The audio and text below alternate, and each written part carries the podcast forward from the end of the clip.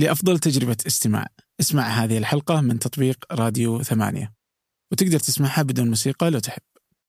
يعني قاعد يقول لي في ناس في ناس تسألني تقول لي لو رجع فيك الوقت بتغير شيء؟ وقول لا ما بغير شيء بس الكلام مهما حطيت عقود إذا اللي قدامك ما يبي يلتزم فيها بس هذا ما هو ملتزم فيها. بتقول له لا في عقد؟ طب آه هذا اللي أنا أقوله في عقد. ليه؟ أتوجه لآخذ إجراءات قانونية لأن بيني وبينهم عقد. بس في ناس آه يقول okay في عقد بس بلو شرب مويته. في يوم من الأيام قل ال interest حقي في هنجر ستيشن فكنت أشوف إنه خلاص. أهلا. هذا فنجان من إذاعة ثمانية وأنا عبد الرحمن أبو مالح. في هذه الحلقة ضيفي إبراهيم الجاسم رئيس تنفيذي سابق. والمؤسس لشركة هنجر ستيشن. الحديث في هذه الحلقة عن هنجر ستيشن كيف بدأ؟ والأهم هو ماذا يحصل اليوم في هنجر ستيشن. هناك مشكلة بينه وبين المستثمر صارت تجربة في الاستثمار ما بين تركيا وألمانيا مستثمر ألماني صارت مشاكل. فصل إبراهيم الجاسم من شركته. فهذه الحلقة عن هذه التجربة. قبل أن نبدأ أود منكم مشاركة الحلقة مع آه، من تعتقدون تهمه هي لها علاقة بريادة الأعمال بالتجارب بالشركات بالإدارة. آه يا. وكذلك لا تنسوا متابعة آه ثمانية على الشبكات الاجتماعية ثمانية على تويتر فيسبوك إنستغرام أي شيء حتى تيك توك. آه ملان بنبدأ. أهلا إبراهيم. يا هلا فيك. يا أهلا وسهلا. من آه غريبه ما سحبتك الرياض للحين. آه والله سحبتني ورجعت للشرقية آه رجعت الشرقية؟ طبعا. نحن ما نقدر. أوكي. إيه. اي لا عجيب. آه، بس اللي نتذكر كذا إنكم أنتم بدأتوا من الشرقية. صحيح بدينا في الشرقية و وبعدها بعدها تقريبا بدينا في 2012 في الشرقية وفي 2014 نقلنا وفتحنا مكتب في الرياض. والأمانة الرياض فرقت معنا كثير بحكم أنت عارف أغلب المطاعم وال headquarters حقتهم موجودة في في العاصمة. فنقلتنا فادتنا بشكل كبير. وصار عندي قناعة إن أهل الشرقية وأهل جدة في غفلة. شلون؟ آه، ال business كله في الرياض. يعني عندنا قناعة مختلفة عن عن ال business في الشرقية بس لما تيجي الرياض تتغير القناعة بشكل كبير. آه، في سوق ضخم جدا. آه، للأسف أتوقع أغلب أغلب خلينا نقول entrepreneurs اللي في الشرقية ما يشوفونه. بحكم إنهم بعيدين عن السوق. اليوم عندك أمثلة كثير ناس بدأت في الشرقية ونجحت وتوسعت للرياض. منهم أخوي أحمد الزيني فودكس فطبيعي تفرق معك الرياض. بس لو ما كنت في الرياض مستحيل تنجح. ما أقول مستحيل يعني صعب أقول مستحيل بس يعني بيساعدك أكثر إنك تكون متواجد خلينا نقول قلب الحدث.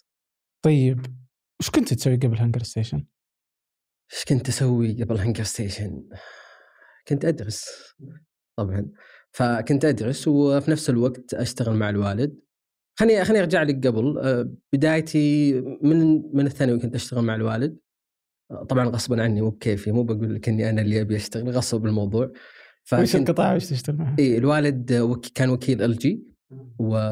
فكنت في المحلات كان عندنا في قطاع التجزئة عندنا فروع. وكنت أحضر في أحد الفروع وأركب الكمبيوترات معهم. فما ادري إذا تذكر الأيام هذه كنت تاخذ desktop فأنت تطلب إيش ال specification حقتك بعدين يجيك واحد إحنا في في الورشة ورا نركب القطع ونجهز لك الكمبيوتر ونسلم لك إياه. فكنت كنت في هذا المجال وطبعا طبعا ما حبيته. يعني في النهاية يعني it's not fun مو مجالي. بس يعني كنت أشتغل مع الوالد فيه. وبعدها بديت طلعت على المخزن. قلت خليني بتعلم. فقلت خليني ما دام فيني فيني خليني أتعلم. إيش تبغى تتعلم؟ فأتعلم ال business من أبي أفهم الشركة كيف شغالة كنت. ف رحت على المستودع قلت خليني ببدأ من هناك لأني ماني فاهم ال system إنه يدخل ال stock بعدين يطلع ال stock لل عندنا زي ال main warehouse يسلم وتستلم البضاعة. ف ما كنت أبي أفهمها تفاصيلها جلست هناك تقريبا شهر. حاولت أفهم وجلس واحد يعلمني و فذيك الفترة انسرقت الشركة في نفس المكان اللي أنا فيه فحسيت إنه okay أنا still مغيب ما لميت في الموضوع كله لأن السرقة صارت تحت عيني. ولا أني فاهم ال system بسبب انه في bugs في ال system وفي يعني في ال process ما كانت سليمة 100% ف عموما بعدها بديت انتقل قلت خليني أطلع مكان ثاني يمكن ال operation تحت ماني مستوعبه بديت أطلع شوية فوق بديت أتعلم شوي شوي في ال business مع الوالد. وهذه البداية. بعد ما تخرجت اشتغلت مع الوالد full time وش درست أصلا؟ درست finance إدارة مالية. درم. طيب أنا في حاجة. هو أدري إنه في جو ريادة الأعمال عادة هذا ال code switching وال وفكرة إنك تبدل بين كلمتين بين اللغتين كثير. آه، أنا فودي بس اركز أكثر على إنها تكون بالعربي طيب okay. أبشر. آه، مو عن شيء بس بس يعني أدري أدري. لا أدري إنها كذا. هو إيه. تكلمت مع حق رياده الأعمال دائما. هذه جميل. الكلمتين تصير. طيب بس فتقول لي رحت مع درست مالية إيه. واشتغلت مع الوالد. بعدها اشتغلت مع الوالد آه، كدوام كامل وبديت أحاول أغير في الشركة آه، نتوسع في الشركة ولكن طبعا تنصدم إن عندك أنت قناعات مختلفة. عن الموجودة في الشركة فتبي تبي تنفذ أشياء جريئة ممكن في الشركة تبي تغير أشياء كثير آه، طبعا هذا مو مو مهمه تروح لكل احد ولا هو ممكن صحيح حتى إيش. كنت بتسوي؟ مثلا تغيير هيكلة الشركة بشكل كامل، آه، تغيير الاستراتيجي، دخول قطاعات مختلفة فكان كنت أبي أغير أشياء كثيرة ومو من حقي الأمانة أغير بس يعني أنا داخل بعد آه، أشوف عندي نظرة مختلفة كانت للسوق. فحسيت إني ما أقدر أسوي اللي ابيه. آه، ففكرت إني أبدأ أفتح بزنس خاص فيني أقدر أنفذ آه، أي شيء في بالي. طيب متى حسيت إن مالك إنه هذا خلاص أنا الآن طبعا بعد معاناة ما ما أقول لك بشهر شهرين فتقريبا جلسنا حول سنة ونص سنتين آه، كانت شبه حرب بالنسبة لي طبعا أنت والوالد ولا؟ لا لا أنا والشركة بشكل مم. عام يعني في طبعا في إدارات موجودة وفي يعني أنت آه، خلينا نقول ورثت شيء موجود كبير. آه، وطبعا هم يشوفونك إنك توك متخرج ومتحمس تبي تغير وتبي تحوس في الشركة فطبيعي يكون في صدام وفي آه، مقاومة. عطني شيء كذا كنت بتسويه مثلا آه، هيكلة الشركة كانت يعني ممكن هذا شيء داخلي بس أقدر عشان أستخدمه كمثال. الشركة كانت مقسمة هي شركة واحدة بس كانها ثلاث شركات. كل قسم داخل الشركة عندهم محاسبين عندهم كأنهم إدارة منفصلة تماما عن الشركة عندهم process مختلف. آه، لدرجة إن في شركة عالمية تكرم الشركة تكرمها ثلاث مرات. كرم ال department هذه وال department هذه وال department هذه. ما يعاملون إن شركة واحدة وحنا أساسا شركة واحدة. فكان في إشكالية طريقة الحسبة مثلا حق التكاليف آه، في قسم مختلفة عن قسم ثاني. مما ما يعطيك نظرة صحيحة لل- للموضوع فما تقدر تاخذ آه، خلينا نقول آه، قرارات صحيحة. فهذه أكبر إشكالية. وطبعا في إيجابيات للاستراكشر هذا. في له إيجابيات ما أقدر أقول لك ما له إيجابيات بس بالنسبة لك إذا تبي تدير تبي تحسن تبي تتوجه آه، نقطة معينة لازم توحد الجهود كلها وتوضح خلينا نقول معايير الأداء خلينا. نسميها. ف الترجمة. جميل. قاعد لا. أداء اداء. باهر. يعني ف فطلعت. فا اي بديت قلت طبيعي أبي أعتمد على نفسي. ما بروح حق الوالد وأقول له أبي فلوس ببدأ business فقلت طاق الصدر قلت أنا بعتمد على نفسي بسوي كل شيء بنفسي ف طيب طلعتوا على وفاق ولا على خلاف؟ لا لا طبعا لليوم ما, ما في خلاف طبعا في النهاية أوكي أكيد بالعكس الوالد تعلم منه كثير ويعني أعتمد عليه بأشياء كثيرة بس القصد زي ما قلت لك المشكلة كانت في الادارات الموجودة إن كل أحد عنده قناعات مختلفة مو مو بشرط إنه خلاف. فكل واحد عنده طريقة في إدارة الشركة كل واحد عنده استراتيجية مختلفة وفيجن مختلفة. وأنت قاعد زي ما أقول لك تتكلم إنها كانها ثلاث شركات في شركة. واحد يقول لك لازم توجه يمين الثاني يقول لك لا لازم توجه يسار واحد يقول لك توجه شيء مختلف. ف فهذه الإشكالية الأساسية. فقلت أنا بسوي شغل خاص فيني مشروع خاص فيني. بالضبط. فقلت بعتمد؟ على نفسي. بشكل كامل بحكم إنه ما عندي راس مال فقلت قعدت أفكر انه ما أبغى أخذ فلوس من الوالد فقلت أبي أسس شركة بدون راس مال طبعا أول ما فكرت فيها حسيت انه شوي مستحيلة بس اكتشفت إنه ممكن فلما إيه، أنا وشلون بدون راس مال؟ الحين. بدون راس مال يعني ما أحتاج أضخ مبالغ عشان أبدأ business اي لا بس يعني بدون راس مال يعني صفر ولا كم؟ صفر صفر. صفر؟ إي صفر. صفر ريال. صفر ريال. آه. تمام. ب- بشرح لك ال business يعني سخيف يعني في النهاية بس. يعني كمثال تقدر تشتغل في أوبر بدون راس مال. أنت عندك سيارة فتشغل ال assets اللي عندك صح. وت- وتشغل. بس ال- بس الفكرة راس مالك سيارة هنا. إي بس أنا اللي عندي بعد يمكن ما كان في راس مال أبد. إلا إذا بتحسب الكمبيوتر راس مال. لا خلاص okay. ف ال business كان عبارة عن عقد مع HP وعقد مع سامسونج وعقد مع LG برضو إني أوفر لهم زي مندوبي المبيعات مو مندوبي المبيعات يسمونهم promoters اللي هم مسوقين. مسوقين اللي أنت لو دخلت على بنده دخلت على اكسترا تلقى واحد لابس له تيشيرت HP يقول لك بص حضرتك ده أحسن لابتوب هنا ويعطيك ال specification ويسوق لك إنك لا تروح تشتري لابتوب Dell اشتر. HP فأنا اللي كنت أوفرهم ف basically كأنه manpower service تقدم آه، عمالة وتأجرهم مسوقين. فأنا أوظف المسوق أقول له بدفع لك راتب نهاية الشهر أبدأ أو أزود ال- ال- ال client بالعميل بالتقارير إنه والله باعوا في اكسترا باعوا في بندا باعوا في جرير كذا لاب كذا لابتوب أسئلة العميل كذا المشاكل واجهوها كذا ونبدأ نعطيهم report ات مهمة هذا إيش كان. اسمه؟ كان اسمه Delivered طبعا الاسم بعد لك عليه أوه، بس يعني جت كنت- على هنجر ستيشن يعني. بالضبط شكرا شكرا بنجيك على هنجر ستيشن بعدين فهذه كانت بداية فطلعت فيها مبلغ حسيت إني okay عندي مبلغ الحين إني أقدر أبدأ business أحسن كم قعدت؟ أه، جلسنا يمكن سبع ثمان شهور. طبعا كان متعب لأنه كان Excel sheet لازم Excel sheet تعبيها ولازم تحط الأكواد حقت هذا ولازم يأخذون ال training آه تقنية ما في شيء. ما كان في تقنية بس دخلت التقنية فيها وهنا فتح لي مجال ثاني إني أفكر بأشياء أكبر. كم عمرك وقتها؟ توني كنت توني متخرج كنت 22 okay، بس هم still يشوفونها إنه شخص صغير قاعد فاتح business ف عموما كان فيها فيها مشاكل بس أنا قلت إني أبي أطلع level أعلى شوي. انه خلينا الحين دخلت لي مبلغ دخلت قيمة حوالي 300 ألف ريال. هذاك الوقت يعتبر إني مسوي شيء من لا شيء حسيت إني أنجزت شيء حلو. فقلت خلني بفتح business ثاني قعدت أدور. لو تدخل على مكتب هنقرستيشن في الشرقية تلقى مؤسسه إبراهيم الجاسم للتكييف. والله لحد الحين معلق اللوحة. ف basically فكرت في businesses كثير. كنت بتسوي.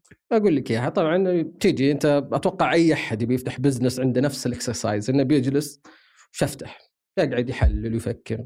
فطبيعي في السعودية والله مكيفات غالبا تبقى دايم.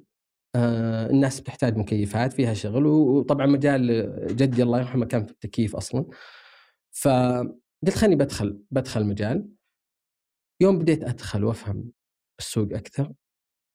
جبت لي كم عامل قاعدين يركبون مكيفات صرت حسيت إني مقاول يدق علي أسمع كم متر آبي مترين ثلاث. حسيت نفسي مقاول صدق والكاش موجود هنا. ف وبعدين كان عندي فلبينيين ومزاجيين واحد يداوم واحد زعلان إنه ما يبي يداوم. فكان في إشكالية. ما تناسبني الشغله مو بنا. مو بنا ال handy اللي أو خلينا نقول عملي اللي أطلع وأركب وأعدل وأحس إن هذا مجالي مو مجالي ولا أفهم فيه الأمانة. كان يقول لي مترين أقول له okay. وأنا نازل بالسعر فما كنت فاهم. اللي اكتشفته إن اللي يركب المكيفات كان يسوي فلوس أكثر من اللي يبيع المكيفات. فقلت أوكي حلو خلاص. ماني بشغال في التكييف بس أشتغل في تركيب المكيفات. كان يطلع طلع على تركيب المكيف 350 بعد اكتشفت إنه في أسعار تختلف على حسب الطن بس أنا حسبت على أعلى شيء. ف بعد ما دخلت في المجال أبي عمالة ما في عمالة. العماله يقول لك أنا أنا بركب أنا بحطها في جيبي ليش أعطيك إياها. بيدق علي العميل على طول وأنا أركب فكان متعب الموضوع كان في تسيب سهل. ف won't won't scale ما أقدر أتوسع فيه بشكل كبير لأن بنحد إنه لازم إذا أبي أوصل مبلغ كذا لازم تجيب لي عدد كذا عمالة. ف واكتشفت إنه seasonal موسمي. الشتاء نايم الوضع ما تقدر تشتغل. ف تجيك الصيف تجيك ضغط كبير جدا إنه تجيك ال maintenance وتجيك التركيبات. تجيك فما كان مجدي بالنسبة لي كنسلت الموضوع كله. قلنا طيب إيش نشتغل؟ طيب أنا بسوي لك حاجة قبل تشتغل خذ القلم حقي. عشان ما ضغط؟ طيب. شكلي أزعجتك. لا لا خاف على اللي بيعدل الصوت مو بس بزعج طيب. شيل منك الأقلام كلها. طيب ف سلمت. الآن الكلام هذا 2011 كذا؟ 2010 2011 آه، أوكي. بعد قلت خليني أبي أبي business ثاني قعدت تدور تحوس نفس ال... نفس الفيلم مع كل أحد يبدأ يدور business إيش فكرت فيه بعد التكييف؟ آه جيت بفتح مطعم صح؟ مم. يعني كل أحد يفكر يفتح مطعم هذاك الوقت وكل أحد يقول أسهل شيء أجيب franchise آه اللي هو امتياز تجاري. فبحثت كل ما أكلم أحد وأتكلم طبعا أنا طاق الصدر وتكلمت مع كل أحد بحكم ما عندي خبرة. تكلمت مع أكبر الشركات في العالم. توقعت إن الموضوع كلمهم يعطيك franchise توكل على الله افتح ال business وانتهينا طلع ال process أصعب من كذا بكثير آه، هذا هذا يكون عندك خيال وتنصدم بالواقع فمهم إنك تبدأ تجرب أول شيء قبل لا ترسم أي خطة فعموما تكلمت والله معطينها الشايع معطينها فلان معطينها فلان حسيت إنه ما شاء الله أول شيء الشايع الله يزيده ويبارك له بس يعني مقفل السوق إيه. إيه. ف إيش في محلات كنت بتجيبها؟ في كان Chick-fil-A Chick-fil-A أو شيء Chick- إيه، طبعا Chick ما. أفهم في المطاعم باي آه. اليوم ما أفهم في المطاعم بس عشان اكون طيب. صريح معك ممتاز بس أسأل قالوا لي آه، يعتبر كويس Tim. Hortons آه، كنت أتكلم معاهم برضو آه. آه، بحكم إني جربتهم في كندا فهذه المطاعم اللي كنت أعرفهم والكافيات وبعدها رحت على شيء مختلف شيء آه، حق candies و... وبرضه ما ما حسيت إنها تضبط والحمد لله ما فتحت لأن اللي فتح ال franchise خسران وقفل ف بس كان عندي إني كل أحد يبي يفتح مطعم ليش ما أفتح مطعم؟ فالحمد لله إن ما حد أعطاني ال franchise آه، فتوجهت مجال ثاني. طبعا تسمع قصص النجاح في في في العالم العربي من التطبيقات اللي انباعت واللي طلعت successful فبديت أبحث. خلي أشوف فكرة موجودة برا وأطبقها. أبي شيء كان عندي عندي شيء specific إنه ما أبغى شيء أبيعه وانتهينا. زي سيارة بعتها ويرجع لي العميل بعد خمس سنوات. أبي شيء العميل أقدر أمسكه معي فترة طويلة. تمام؟ أرجع يشتري مني أكثر. بحكم إنه نفس الشيء إحنا نواجهها بالكمبيوتر فكنت كاره شغلة ال retail اللي هو قطاع التجزئه بحكم إنك بعت كمبيوتر غالبا الكمبيوتر أول كان يجلس ترى سنتين ثلاثة لين ما بدأت تطلع اللابتوبات. صار الواحد كل شوي يمكن يبدأ يغير. فكان متعب الموضوع إنك تبدأ تسوق والسايكل طويلة جدا. فكنت أدور على شيء استهلاكي. فكنت أدور في كل شيء أي شيء استهلاكي وتجارة إلكترونية تجارة إلكترونية كل أحد يتكلم تجارة إلكترونية هي المستقبل فخلنا نفكر تجارة إلكترونية. حبيت التقنية. ولا أفهم شيء في التقنية. ف بديت أبحث. لقيت website اسمه Seamless. في في US. آه، توه كان مسوي raise fund وحاطين إعلان في موقع في موقع كان يجيب أخبار زي TechCrunch يجيب الأخبار ال- التطبيقات فكنت اتابع وطلع الخبر إنه Seamless آه، حصل على الجولة الاستثماريه بمبلغ وقدره. إيش سالفة Seamless؟ دخلت تقرأ. okay والله حلو business model okay في موقع ثاني اسمه Grubhub منافس لهم. برضو أخذ جولات تمويلية كويسة. فبالنسبة لي إذا أخذ جولات تمويلية معناتها في validation في تحقق من إنه اي تحقق ان إن في جو في آه، فرصة. في في السوق هذا. فبديت أبحث فيه. قلت خليني أدور في المنطقة. بديت أبحث. لقيت في موقع مصري اسمه اطلب dot com. مم. obviously فاتحين من من سنة 99 مم. تمام. كان يملكهم نجيب سويرس طبعا اسسوها مصريين بعدين انباعت لنجيب سويرس بعدين باعها للشركة الألمانية. آه وفي موقع ثاني اسمه طلبات dot com موقع كويتي فاتح السوق تدخل عليهم والله ما عندهم مطاعم. يعني حتى المنطقة اللي كنت داخل فيها في الشرقية ما كان في إلا أربع مطاعم خمس مطاعم. حسيت okay مو معتبرين شيء للسوق السعودي مو مدققين على السوق السعودي فممكن في فرصة. فقلت خلاص يلا.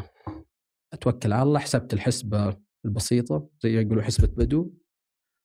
كم طلب؟ okay الطلب باخذ عليه كم ريال آه، ركب الطابعه الطابعه تاخذ عليها 5000 10000 ريال وات حلو قاعدين نسوي فلوس كويسة نبدأ نتوكل على الله. هذه الحسبة المبدئية. طبعا تقرأ على ال business model بعدين بس تحس إنه ما تقدر تطبقه في السعودية إني آخذ نسبة لا خليني آخذها آه، مبلغ آه، مقتطع ونتوكل على الله. شلون كنت تفكر؟ مو أي شيء مو أي أي نموذج عمل موجود برا ممكن يطبق في السعودية. فالأسهل كان كان فكري هذاك الوقت إن الأسهل إني أقول له خلاص اسمع على كل طلب ريال بدل ما أقعد أحسب لك كم مبيعات آه. وأخذ نسبة. فأختصر الموضوع كنت أتخيلها أسهل. فبديت طب سالفة شلون شلون أسوي تطبيق؟ شلون أسوي؟ ما كان في تطبيقات طبعا كان كلها website ات. فكيف أسوي website؟ okay الوالد عنده قسم IT في فلان يعرف يسوي website. فلان تعال سوي لي website. طيب project جانبي اعطاني مبلغ قال لي هذا بياخذ منك ثلاث شهور. قلت تمام. كم قبل كان يكلف؟ قبل قبل هذا صح. قبل هذا رحت على فريلانسر dot com. موقع فريلانسر dot com ما أدري إذا ال project لسه موجود هناك ولا لا.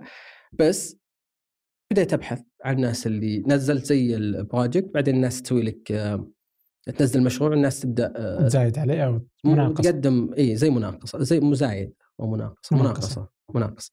فأنت ف- حاط وش اللي أنت تبغاه أبغى واحد زي كذا زي أتوقع لو تدخل على ال project. تلقى أبي زي seamless فما كنت مستوعب كل الفكرة. وكان الناس تعطيني عروض تعطيني شكل ال- الواجهه الموقع وأنا أحسبها إنه هذا هو. ما أدري إن في خفايا أكبر للكود. بحكم إني جهلي التام في التقنية. ما كان عندي أي خبرة تقنية. فكنت أشوف اللي تصميمه حلو. غالبا فاهم أبي التصميم هذا أبي شكل هذا أبي ال quality هذه. ما كنت مستوعب إن في ناس متخصصين في واجهة المستخدم في ناس متخصصين في البرمجة فتختلف تماما. ممكن تجيب لي واحد كود كويس وواحد سيء في واجهة البرمجه أو العكس. فعموما جاني واحد قال لي أنا مصمم تيستي خانة موقع في الهند اسمه تيستي خانة. قلت والله هذا فاهم تيستي خانة شكله جميل و رحت تواصلت مع حقين تيستي خانه لقيتهم على تويتر رحت كلمتهم أتوقع حتى تويت يمكن لسه موجوده قلت فلان موجود على فريلانسر dot com يقول هو اللي مسوي موقعكم هل هذا صحيح ولا لا؟ قام طبعا يطقطقون علي راح سوى mention حق السي تي أو ما ردوا علي يعني إنه صحيح ولا لا قام يطقطقون يقول شوف شوف هذا شو يقول. فعرفت إن هذا نصاب مشيت. آه، جاني واحد قال أنا ساعدته في seamless سويت ال project حقهم وجاب لي data يعني ما أتوقع موجودة publicly فحسيت إنه ممكن ممكن هو اشتغل معاهم ساعدهم بشيء. وطبعا كان عندي perception قبل كان عندي قناعة قبل إنه الهند هم أشطر ناس في التقنية. ف وأتوقع هذاك الوقت كل احد مقتنع إنه تبي واحد شاطر IT جيب لك هندي. فرخيص قوي. بس في النهاية آه، من التجربة اكتشفت إن هذا كله غلط. ف بس بسبب هذه القناعه توكلت على الله ورحت معه عطل المشروع شهرين تقريبا ولا لقيت شيء. عطلني كل شوي بسلمك المشروع بسلمك إياه ولا سلمني. فتوهقت رحت حق ال IT حق الوالد. فبدأ قال لي ثلاث شهور ثلاث شهور كثير. أنا ماني فاهم تقنيه ما فاهم ثلاث شهور ترى يعتبر جدا ممتاز. مم. بس هذاك الوقت كنت اشوفها ثلاث شهور أنت صاحي too much فقلت خلاص أبدأ. وبدور في نفس الوقت أبي مبرمج اوظفه عندي ابي أبي اشوفه كذا في المكتب هنا أبي يشتغل. فبديت أسوي interviews نزلت إعلان في بيت dot com بديت أبحث عن مطورين تطبيقات فكل مطورين مواقع كل اللي ألقاهم ناس اللي يسووا منتديات اللي سوى آه، موقع شخصي. ما حد سوى موقع يعني خلينا نقول حق transactions فجاني إحباط كبير. قفلت المكتب هذاك اليوم طلعت إلا في اثنين جو. طالعين قفلت المكتب قال لي إحنا عندنا موعد interview استحيت قلت خليني بسلك بسرعة كذا interview سريع وعن قولة إنه سوينا interview فتحت المكتب دخلت. وكان هذا الأخ حسين آه اللي هو اليوم يعتبر شريكي في هنجر ستيشن. فوراني والله. وأنا لحد الحين أقول انت قصيت علي وراني شيء في اللابتوب كذا حسسني إنه okay wow فاهم. توكل على الله خلاص أنت بكرة تيجي المكتب as project تشتغل project مش موظف بس أبغاك تداوم عندي في المكتب. وكنت يعني حتى حتى الديل سخيف جدا. تاخذ 4000 الحين شهريا و4000 إذا تحسن الوضع. تمام؟ عندي 300000 أبي أحافظ عليها. ما أبغى أخذ فلوس من احد فبدينا على كذا وقال لي أنا أطلع لك اياه بشهر. قُلت حلو، ابدأ، وهذاك شغّال حق الوالد.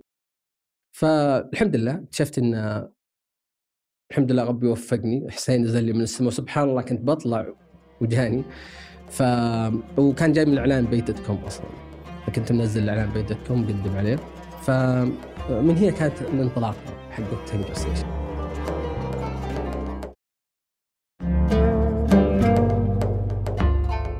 نودي هنا وش كان وش كان يقولون لك مثلا الأهل؟ ال- الأهل بشكل عام يعني آه، العيلة عندنا كلهم ما حد شغال موظف فعندهم خلينا نقول آه، التجاره في دمهم. كل واحد فاتح له بزنس فشيء متعارف عليه في في ال- في العائلة. ما حد بيقول لك لا. بس ما كان أحد متحمس بعد. ما كان احد كان أحد يعني يقول آه، سوي اللي تبي. طيب جرب. ما عندهم مشكلة والحمد لله إنهم كانوا يعني مو باللي كانوا خلينا نقول آه، في مقاومة لا تقعد تضيع وقتك اشتغل في شيء صح آه، اشتغل مع الوالد اشتغل في في business العيلة. لا كانوا بالعكس آه، بس خصوصا إنك أنت ما تعرف. يعني انه لو واحد سألك يدري إنك ما تدري جالس تسوي. إي إي. لا لا يعني- بقول لك إياها. بعدين برجع لك انه في النهاية طبعا طاق الصدر إني ما ما أبغى فلوس إيه. بس في النهاية احتجت فلوس. فما رحت حق الوالد آه. يعني مستحي من الوالده رحت حق الوالده الوالده هي تضبطني طيب فرحت حق الوالدة والله الوالدة كانت تحول. أنا- وأنا للأمانة في المكتب يعني يقول الوالدة ما تدري أنا وضعي كويس مو كويس إحنا داخلين جدار وداخلين جدار. وكنا هذاك الوقت حتى يوم كانت تحول كنت أجلس مع حسين نقول نقفل أو ما نقفل. قفل الشركة؟ إي نقفل ولا ما نقفل لأنه basically ما ما قاعد يمشي الموضوع. كنت نتخيل إنه بس نقول ترى في order online العالم كله بتطلب لأنه again مرة ثانية ما عندنا خبرة تسويقية وإحنا داخلين مجال جديد ولا عندنا أي خبرة فخيالنا أكبر من الواقع فكنت تخيل مثال أول إعلان كان الوالد عنده شيء عقد مع آه، جريدة الوسيلة فأخذت مقابلة إعلانات جريدة الوسيلة قلت عندي إعلانات في جريدة الوسيلة بقيمة 300 ألف كنت اتخيلها شيء أوكي كويس خلني بعلن وأعلنت في جريدة الوسيلة وكنت حطيت call center الحين تجي طلبات كثيرة إيش كان إعلانك؟ إعلان أطلب اونلاين وحط صورة الوجبة حقت المطعم وأطلب أونلاين. فهذا طبعا جهل كبير بحكم إنه ما عندي خبرة تسويقية ولا سألت أحد خبير في التسويق وهذه الغلطة الأولى. فانصدمت إن أنت شيء أونلاين تعلن أونلاين مو بتعلن حق offline. طبعا جهزنا ال call center قلنا الحين بتجي ضغط طلبات وحطينا رقم الكول سنتر ألو سجل عندك أبي وجبة كذا. طب إحنا ما إحنا المطعم اللي حاطين إحنا تطلب أونلاين من المطعم هذاك. آه لأ طب مع السلامة. بس مكالمة واحدة. فجانا احباط كبير قلنا أوكي خلينا نجرب نعلن في أماكن ثانية أنت كنت متفق مع مطعم واحد بس؟ لا كان في؟ أكثر مطعم بس اللي جاء اتصال على كان كوزنس أوكي. و- و- أنت وش المطاعم الأولى اللي اتفقت معها؟ أو أول مطعم ما ادري أو أول مطعم لحد الحين اقدرها لهم آه، جوني روكيتس. آه.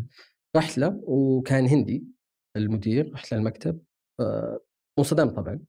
بحكم إني أبي أفهم ال sales cycle أبي أفهم كيف دوره المبيعات كنت لازم أنزل بنفسي. أنا سيء في المبيعات بس نزلت بنفسي عشان أتعلم. إذا جبت أحد مبيعات أعرف أقول له والله يمشي ولا ما يمشي إيش الأسئلة بيسألونها. فكتبت كل الأسئلة اللي ممكن يسألها المطعم وأكتب ال- الإجابة النموذجية. عشان إذا راح حق المطعم لا تقول لا تجيب العيد تقول كلمة غلط أو هذا هذه الإجابة النموذجيه إذا المطعم قال لك إحنا تشاركنا في ال business تقول إحنا ما نشارك في ال business إحنا نساعدك تكمل تكبر الشركة يعني من, من هذه الأشياء. بس الغريب إني دخلت عليه قال لي وين العقد؟ قلت له هذا العقد. وقعه أسرع توقيع. وحتى ما شرحت له الفكرة. اللي فهمته بعدين إنه جوني روكيتس أكبر خلينا نقول مصدر للمبيعات بالنسبة لهم كان طلبات في الكويت آه. فهم كانوا يتمنون إن في شيء زي طلبات في السعودية وكان طلبات هذاك الوقت كنا نتابع طبعا كان يسوي تقريبا حول 1500 طلب في اليوم؟ فكنا نشوفها رقم كبير جدا فلان جوني روكيتس فاهم المجال وعارف إنه هذا المستقبل فوقع على طول وكان أحسن عقد وقعناه كان دخلنا دخل كويس ف وبعدها توالت طبعا العقود. وش كان ال pitch حقكم؟ وش كان الشيء اللي أنت تقوله للناس الحين؟ وش شركتكم آنذاك؟ سميتوه هنقرستيشن وقتها؟ طبعا خليني عشان اعطيك الفكرة. أول ما جت الفكرة أصلا اخترنا الاسم واخترت ال logo ال logo كلف 10 دولار. لا أوريك اللوجو يعني. هو نفس اللي. الحين؟ لا لا لا. الحين أزين بكثير. وريني عندك. بطلع لك إياه. موجود. تبي نعرضه على الكاميرا يعني؟ أبغى أشوف. يفشل الامانه فكانت البداية قلت تعبت وأنا أدور أفكار أدور أشياء قلت أسمع بكرة فاتح business فاتح business طلعت لي list لحد الحين عندي ال list حتى ال notes الأسامي كلها ارسلتها حق كم واحد voting كلهم أختار هنقرستيشن كان هنقرستيشن dot com أغلى سعر domain شريته ب 2700 دولار. إذا تعرف ال average حق المعدل قيمة ال domains 10 10 دولار. 10 دولار يعني. هذا شريته premium ب 2700 بس قلت خلاص الناس اختاروا وش كانت خيارات الطريق الثاني؟ بطلع لك إياها. إيه. خليني أول شيء أوريك اللوجو. مو واضح هنا بس آه، مشكلة خليني اشوفها على الاقل بعدين بحط رابط طبعا هذا post لسه ما نزلته بس كاتب كله هذا اللي فوق ذا؟ إيه. شفته؟ 10 دولار وبديت ال business. فأخذت ال domain وعلى طول أخذت المكتب أوكي. وقلت وسويت حتى ال- الباب هذا. قلت خلاص أنا عشان أقنع نفسي إني أنا فاتح ال business ومتوكل ما عندي خط رجعة. ف طيب خليني خليني اجرب أحط على الكاميرا خلينا نشوف اللي بيطلع ما يحتاج يصير. يا رجال. نزله في تويتر.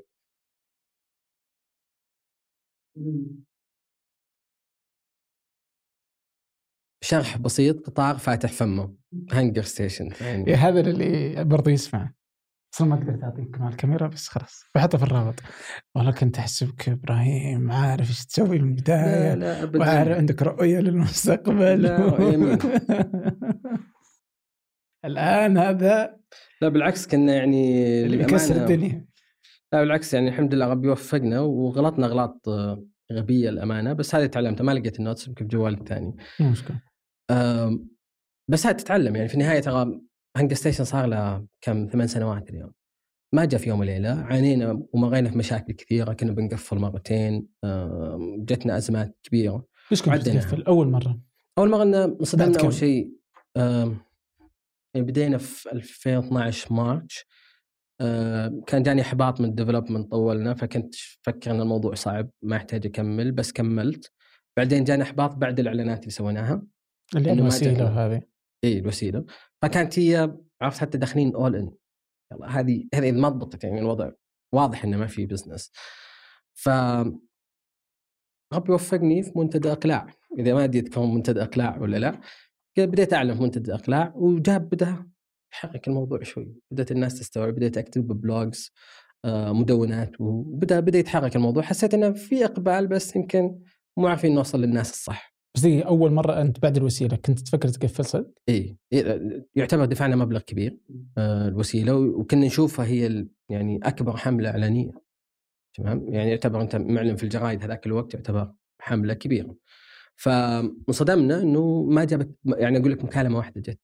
لو جت يمكن خلينا نقول آه، 500 مكالمة وما صار في transaction at least في traction آه، طبعا ما تدري هل الوسيلة هي المشكلة أو إن الطريقة الطريقة ولا- غلط. ف طبعا عموما بعد الخبرة اللي تفهمها إن الوسيلة غلط أنت بتستهدف ناس اونلاين لازم توجه ناس. مو بتعلن offline بعدين آه، جت فترة إنك. كنت ودك تقفل زي كذا إيش اللي منعك إنك تقفل؟ بدينا نجرب زيادة الصملة صملة إي الآن نكمل خلاص بدينا خلينا نجرب شوي خلينا نكمل خلينا نشوف أه والله أذكر لحد الحين واقف ورا حسين وهم بيرمجون أقول نقفل ما نقفل نقفل ما نقفل. لسه محتار إيش كان يقول لك حسين؟ آم، يعني حسين كان مشغول بس في ال development يعني هو مكمل وبالعكس حسين دائما يقول لك كمل آه.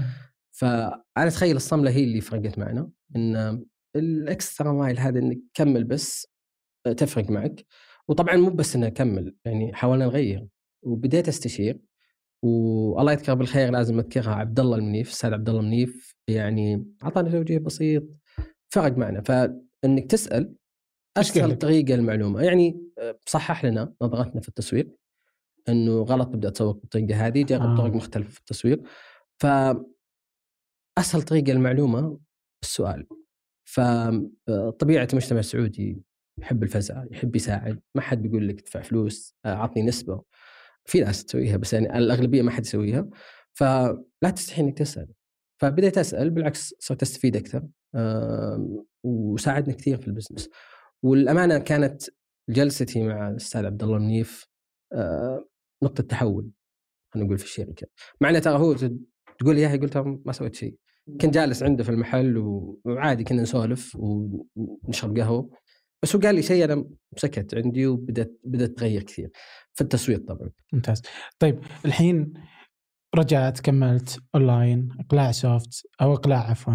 إيه. بعدين كذا اللي فجأة آه مشيت في السالفة. شوي متى جت المره الثانية كنت تبغى توقف؟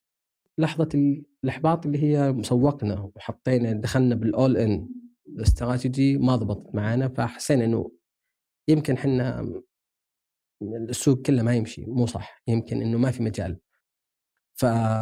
فبعدها كملنا الحمد لله وتوفقنا في الموضوع. متى توفقتوا في الموضوع؟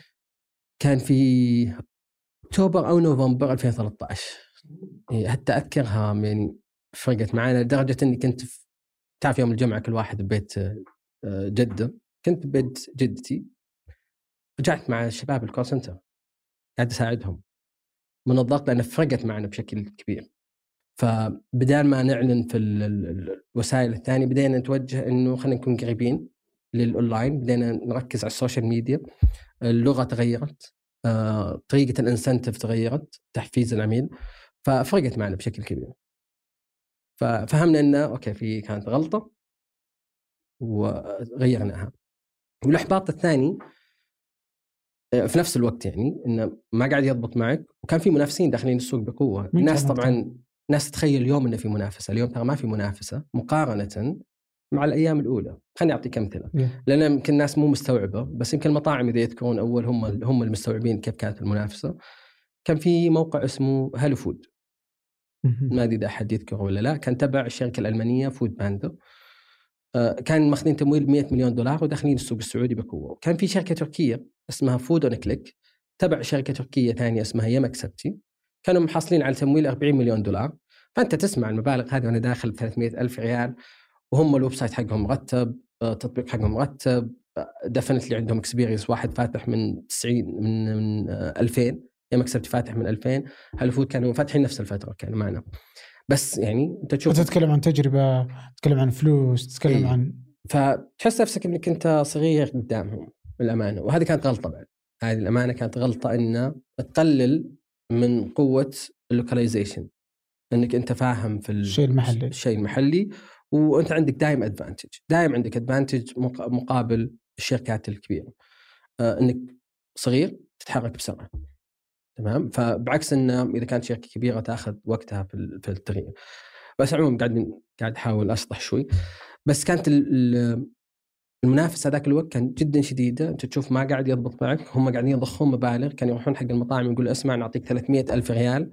وتوقع معنا والمطاعم كانت تيجي تضغطك. يقول يا حبيبي هذول الألمان هم فاهمين.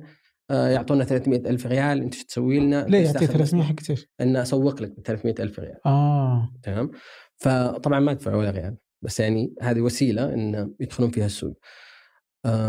فكان هم عندهم برضو قوة أكبر إنه يدخل مع يدخل مع شركات أكبر زي نسميهم إحنا مطاعم triple A اللي هم المطاعم الكبيرة في السوق top five فكان عندهم لما يجي ما يعرض يقول أنا داخل السعودية يقول أنا موجود في العالم كله داخل السعودية ال partner فالمطعم يبي أحد قوي يساعد عشان يكبر.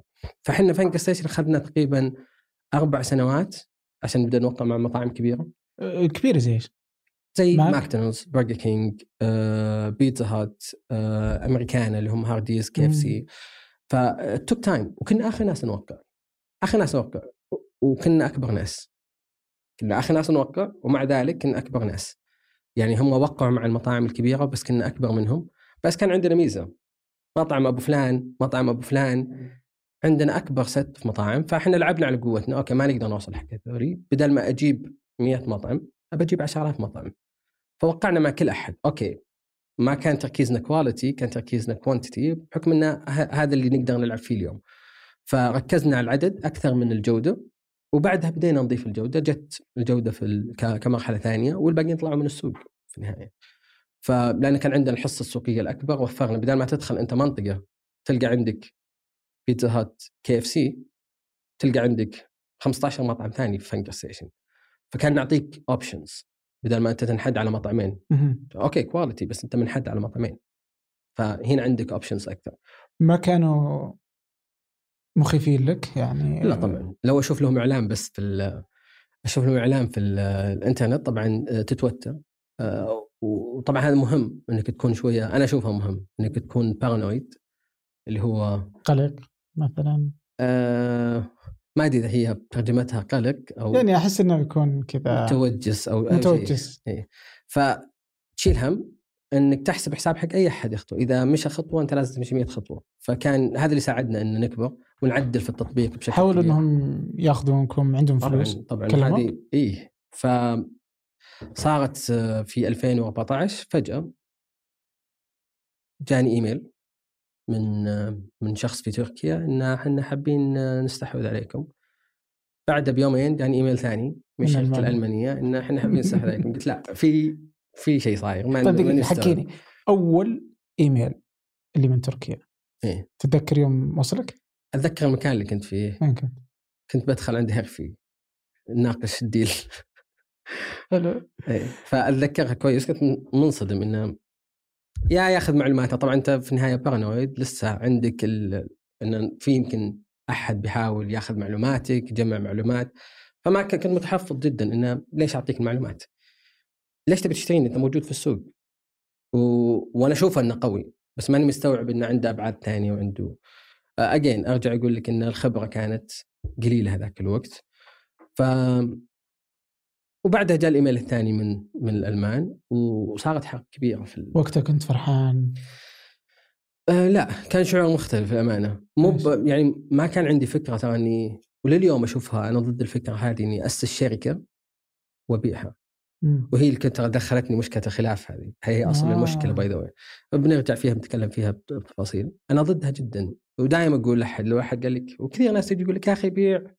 سويت شيء أبدأ أفتح business ثاني. هو مو بقالة راح أفتح هذا وأقعد أفتح بقالة ثانية. والفكرة إنك بنيت شيء تبي يكبر تبي يتطور تبي تقدم شيء للمجتمع. اليوم جوجل ليه ما باع؟ فيسبوك ليه ما باع؟ جت عروض فيسبوك جوجل سناب شات آه ليه باعوا انستغرام باع ومتندم اليوم. واتساب باع ومتندم اليوم. امازون ليه ما باع؟ طب إذا جات تجي له فرصة أحسن مني ليه ما باع؟ بس اليوم هو أكبر بكثير وما ندم على الديسجن هذا وصار يمثل دولته. كل مكان صارت قوة. صارت قوة. جوجل عندها قوة آه، الشركات هذه عندها قوة. ليش الشركات السعودية لازم تبيع؟ فكان عندي نظرة مختلفة. مم. إن عشان نقوم أصلا البيئه كامله أنا مؤمن لازم يكون في شركة كبيرة. هي اللي تساعد الشركات الصغيرة إنها تكبر وتكون البيئة. آه، بشطح شوي بعدين نرجع. مثلا الشركة الألمانية شرت أول شيء بتسويه قفل المكتب بنقل خبرات برا. طب أوكي وأنا تعبت اسعود وأجيب ووصلنا وسوينا أكاديمية وتعبنا. أنت تيجي في يوم وليلة تقتلها من حقه من حقه. ما تقدر تقول شيء. ممتاز. لا لا خلني خلني خلني برجع لك. الحين تركيا جاك عرض من تركيا جاك عرض من ألمانيا. جميل. صح؟ صحيح. خلاص كان واضح قرارك إنك ترفض وقتها ولا ش... ولا مشيت في لا لا النقاش؟ م- مشيت في النقاش أبي أسمع. آه، إيش كانوا يقولوا لك؟ فسمعت آه، طبعا أنت في النهاية ما تبيع كامل. هم جايين يبون. بس أنت تبي تبي شيء يساعدك إنك تكبر وتكمل. ممتاز. فتأخذ استثمار فأول جاء شركة تركيه أنت الآن وقتها ما عندك ولا استثمار تملك 100% أمريكا 100% ما يعني في. أنا بتكلم الوالدة شيء ثاني. إي بس فهي كانت عليها. 100%. ما- كانت داعمة هي ما- جميل. لست إنها تأخذ حصة. لا بالعكس لها كل شيء. الله يسعدها يا رب. طيب الحين جوك هذول قالوا نبغى نستثمر صحيح. وش كانت الفكرة عندك؟ خلاص اللي ب- إيه الفكرة إني- تقييم الآن ولا وش كان؟ الفكرة كان بحكم إنه أول تجربة تجربة جديدة يعني ناس يخوفونك ممكن يأكلونك. يعني في سناب يعني في أمريكا مثلا أنت اللي أنت قلت. قبل شوي. يعني أكيد إنه يعني يجي أحيانا يعني يوم جوجل جت عرضت على سناب آه إنهم بيشترون الظاهر 3 مليار بعدين جاء فيسبوك 4 مليار بعدين زي كذا. صحيح. واحدة من الأشياء إما إنه يشتريك أو ينافس. فتاخذ أو إنه بيقتلك ممكن. صحيح. ممكن يقتلك. وهذا هذا اللي يعني زي اللي جالسه تسوي الحين ابل مع سبوتيفاي. تبغى تقتلها بأبل ميوزك ما عندها مشكلة. صحيح. فأنت الآن ما بين إنه هل بيقتلني وأصير ما اسوء ما كنت مؤمن إنه بيقتلني لأن غدي إحنا أكبر منهم. ما جو كلموني عبث. هم جو يوم شافوا إنه هنقرستيشن أكبر منهم صرفوا حاولوا يدخلون السوق ما قدروا. فكنت مرتاح من هنا بس لسه خايف الامانه خايف أكثر من مين؟ من اللي فاهم السوق. الأستاذ محمد جعفر اللي كان يملك طلبات كان لسه موجود فكان الهاجس بالنسبة لي اللي فاهم السوق مو بالهاجس مني الشركة التركيه أو الألمانية لأن بحكم إني شفتهم إنه في النهاية ما أنجزوا في السوق ممتاز وكان في خوف ثاني إنه ممتاز. أوكي ما شراني يمكن يشتري شركة ثانية ويكبرها فبيستفيد من الخبرة المحلية طلبات وقتها دخل السعودية اي كان شغال في. السعودية وكان بدأ يوم شاف already. جاهم الاستثمار ولا لا عليهم؟ هو ما جاهم استثمار محمد الاستاذ محمد جعفر وتشز اقدره جدا محترم جدا آه، وتعلم منه كثير. اللي سواه إنه شرى طلبات من من آه، ال founders الكويتيين و وطورها. بعدين باعها للشركه الألمانية. بس ما بس أخذ. بس هذاك في الوقت باقي ما باعها. ما باعها لا, إيه. لا لسه. فالحين أنت تتكلم عن كلكم محليين. كل المحليين. هو طبعا أوكي هو فاهم في السوق الخليجي. فأنا أعتبر نفسي كنت فاهم في السوق السعودي لأن ترى في اختلافات كبيرة. ما حد يتخيلها أعطيك كمثال. infrastructure في ال- البنية التحتية حق المطاعم غالبا ك communication في الخليج يعتمدون على الفاكس. فاكس؟ إي كان فاكس موجود. آه، في US نفس الشيء معتمدين على الفاكس. تيجي السعوديه ما في فاكس. فكان طلبات يدخل السعودية عندك فاكس فتشوف كل المطاعم اللي موقعة مع طلبات هذاك الوقت كان عندها فاكس داخل الفرع فاحنا ما ما عندنا فاكس فكنا نعطيه الطابعه انه يستلم عليها الطلب بعدين بعدين حولنا على التليفون آه، سالفة ثانية هذه. بس فكان تختلف في اختلاف. الشيء الثاني المطاعم تقفل وقت الصلاة. في الخليج ما تقفل وقت الصلاة. طبعا هذه في العمليات متعبة جدا الناس تتخيل يعني طب بسيطه قفل بعد ما يفتح يسقط لا طلب عندك لا وقت معين إذا ما ما أقدر أعلق العميل أنا ربع ساعة نص ساعة عشان أقبل طلبه. ففيها فيها هدك مختلف. وطبيعة المطاعم سكاترد إنها متوزعة في كل مكان. في الكويت الكويت أنا. من مطعم لمطعم أبعد واحد مكاتب كمكاتب يمكن نص ساعة ساعة. بعكس أنت عندك 70 مدينة في السعودية شغال فيها هنقرستيشن في الكويت تعتبر مدينة واحدة فال operation أسهل. أحتاج لي. اثنين ثلاثة sales في السعودية يحتاج لي وصلنا 70 واحد مبيعات. فمختلفة تماما.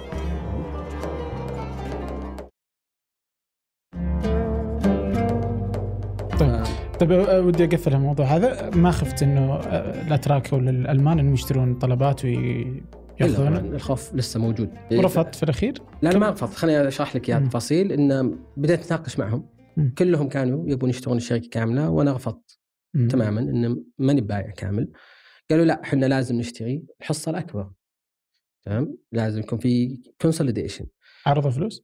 آه عرض فلوس طبعا آه بجيك بجيك عليها لأن هذه سالفة لحالها. آه فيها استغلال. عموما كانوا يبون يشترون الحصه كاملة وأنا كنت رافض اني اشتري أبيع الحصة كاملة. فوصلنا اتفاقيه إني أوكي أبيع على دفعات. تمام؟ وهذه جزء من المشكلة اليوم. أبيع على دفعات آه وبعدها آه تبقى لي حصة ما يقدرون يشترونها تمام؟ فخليت أوكي قلت أوكي إذا مضطر إنهم ما يبون يشترون كامل at least بقى لي حصة عشان ما أقول ليتني ما بعت. اتليست بقيت لي حصة. فخليت لي حصة إن ما يقدرون يتحكمون فيها ولا يقدرون يشترونها. فهذا كان مع الأتراك وما أقدر أتكلم عن الألمان بس يعني تقريبا نفس الفكرة. وبدأت هنا المفاوضات على المبلغ. أول يجيك لا، الأتراك الامانه كانوا واضحين جدا. جدا واضحين فكنت حابب إني أتعامل معهم. أه، بعكس الجهة المقابلة الجهة المقابلة كان ريال طب ريال ونص طب مية طب ألف طب مليون. كذا النظام. ناس تتخيل إنه لا هم شركة محترمة مرتبة أكيد في استراكشر المفاوضات مختلفة تماما عن عن الخيال. تيجي على حسب أنا حتى لو قيمة الشركة مليون خليني بجرب ب 10 بجرب ب 5 مم. ريال بجرب ب 100 ريال يمكن يمكن يضبط والأمانة قاعد يضبط معاهم في ال- كل الأسواق الناشئة كثير ناس طيب هم مصلحتهم إذا أنت حسيت إنك مغبون بتط... يعني من مصلحة الشيء؟ أنا بقول لك؟ شيء آه، ناس كثير مو مستوعب بس هم يطالعون المنطقة بنظرة دونية جدا يعني في أسواق ثانية بيكونوا مبسوطين ما يكونوا مغبونين تمام في أسواق لو أعطيته مليون دولار بيقول لك شكرا أصلا بعدها يندم إذا شاف الشركة وصلت يندم بس بالنسبة له طلعت مليون دولار مليون دولار بالنسبة له مبلغ أنا مو داخل incentivized بس أو إني داخل أبي أسوي بس فلوس. أبي أسوي شيء لي تعبت عليه بكبره ومو شرط بس فلوس تمام؟ أكيد جزء كبير منها فلوس بس يفرق بعد ال scale حق فلوس صح؟ فمو بس فلوس أبي شيء أبي أسوي شيء يبقى شيء تعبت عليه بنيته. فهم نظرتهم مختلفة لانهم بحكم إنهم داخلين كل أسواق ناشئة فيتصورون حتى المنطقة هذه لو أعطيته كذا يحمد ربه تمام؟ وفي أدلة كثير تأكد هذا الكلام موجودة. فهذا للأسف انه في نظرة دونية بعكس أتراك يمكن فاهمين السوق فاهمين شوي هنا كيف الكلتشر فاهمين هذا. كانوا واضحين. قال لي أنت كم تبي؟ أعطيتهم رقم. قالوا موافقين. ندمت جدا. كم؟ أعطيتهم. ما أقدر أقول الرقم. بس رقم كويس. رقم كويس على ال stage حقي كان الحين نتكلم كويس. 2014 15 2014 14 إيه. إيش آه. مشكلتك إنك تقول رقم؟ ودي أعرف إنك ندمت على كم يعني إيه، قلت لهم أول شيء خليني أقول لك يا رجل. يلا. 6 مليون دولار. 6 مليون دولار. تمام. قلت لهم 6 مليون قالوا لي done بعدين- بعدين صارت في حرب. تمام. صار في bidding war على هنقرستيشن إن مين بين الاتراك. والالمان إيه. آه. وصلت 10 مليون أوكي. دولار. فبحكم إن كل أحد يجي وكان في شوي أفلام إن أسمع لا أتوقع الحين أنا راكب الطيارة أجيك وركب فعلا الطيارة وجاني. كان في مفاوضات يعني متعبة. جلسنا مفاوضات بس عشان تستوعب الفكرة. سنة كاملة. سنة كاملة مفاوضات. لأن الشركة قاعدة تكبر. طيب ال valuation المفروض يتغير. الشركة قاعدة تكبر ولسه طولنا وفي تفاصيل دقيقة في العقد. تفرق طبعا اليوم كثير ناس تتكلم في العقد بس ما حد فاهم العقد. ف هذه الأشياء الصغيرة هي اللي تفرق. طبعا رحت تركيا قابلتهم شفتهم ناس فاهمة آه، متعلمة. لهم خبرة كبيرة في السوق رحت ألمانيا مو فاهمين للامانه شفت إن عندنا طاقات نقدر نعديهم ونقدر نسوي أحسن منهم بكثير. بس أنا كان عندي خيال أمانة أنا نفسي كان عندي خيال إن الالمان أكيد فاهمين أكيد شاطرين. الأمانة شاطرين في ال في ال في المالية كيف ترتيب الحسابات فاهمين جدا. بس operation يجي يقول لي سوينا ال feature هذه؟ إحنا مسوينها قبل سنة. طب هذه basic هو كان عنده 100 developer إحنا كنا عندنا ما كان عندنا ثلاثة اربعه ف في أشياء كثيرة نتخيل عندنا خيال إنهم هم أفضل هم مو أفضل. لما الشركة التركية كانت أفضل بحكم إن عندهم خبرة في المجال وعندهم هذا وتعلمت منهم كثير. بس again عندك فكرة تقلل من الطاقات الموجودة هنا بس اللي اكتشفته إن نقدر نسوي أحسن منهم بكثير آه بس يبغى له أحد يؤمن إن إحنا نقدر نسوي. بس أغلب الناس ما تنافس أمازون من جدك أمازون جاي داخل السعودية كيف تنافسها؟ طبعا نافس أمازون، أمازون فشلت في أماكن كثيرة من العالم، ليش ما تفشل في السعودية؟ لأن ما نقدر ننافسها.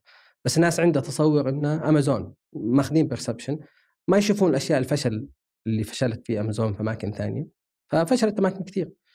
آه، الصينيين ممتازين جدا في التقنية بس الناس ما تعطيهم حقهم بعد تطالع الشركات الأمريكية والبروباغندا.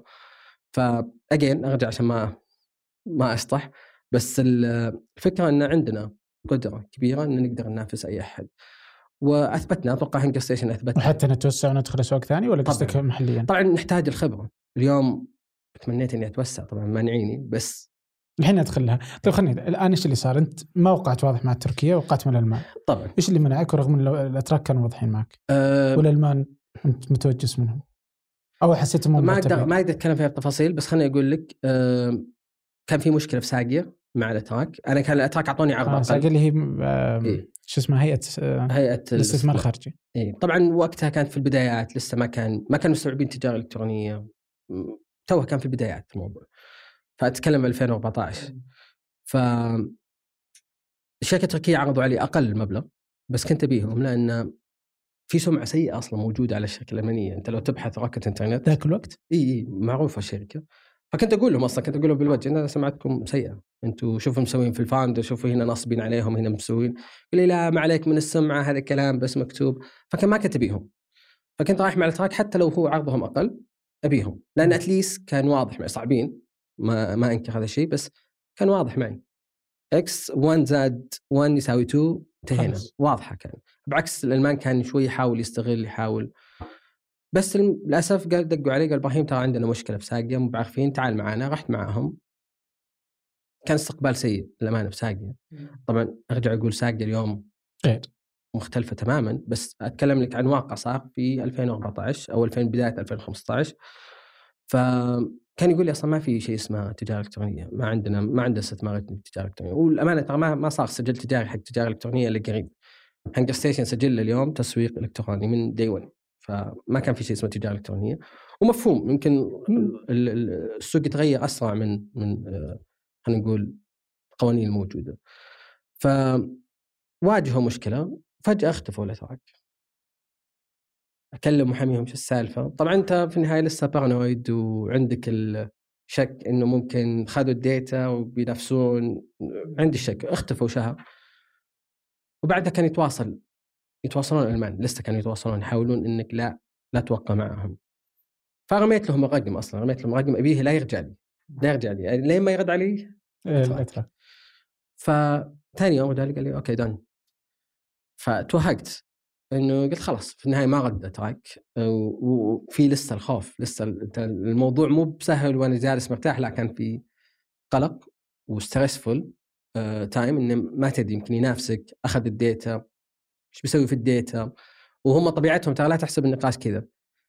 تاكد ليش أدفع لك؟ كذا أقدر أنافسك بحطها في ال business حقي وأنافسك كذا الوضع. ف في في تهديد في طبعا تكنيك في في ال negotiation طبيعي. ف رحنا مع الشركة الألمانية اللي اكتشفتوا إنه الشركة التركيه كانت في نقاش باعوا حصتهم للشركة الألمانية الثانية ب 600 مليون دولار. كانوا مشغولين في ال acquisition حقهم أصلا عشان كذا غابوا. ف وأنا كنت أحسبهم لأنهم مختفين بس obviously كان عندهم deal أكبر شغالين عليه.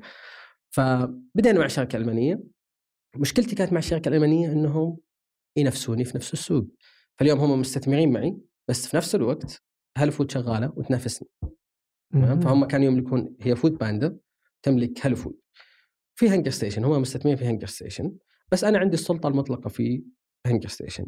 بحكم إنه منافس ما اعطيهم ال data ما اعطيهم شيء أعطيهم financials وانتهينا. فصارت في منافسة شديدة في السوق الحمد لله. توسعنا كبرنا حسنا الأشياء بشكل كبير. وبعدها صار عندهم أزمة HelloFood.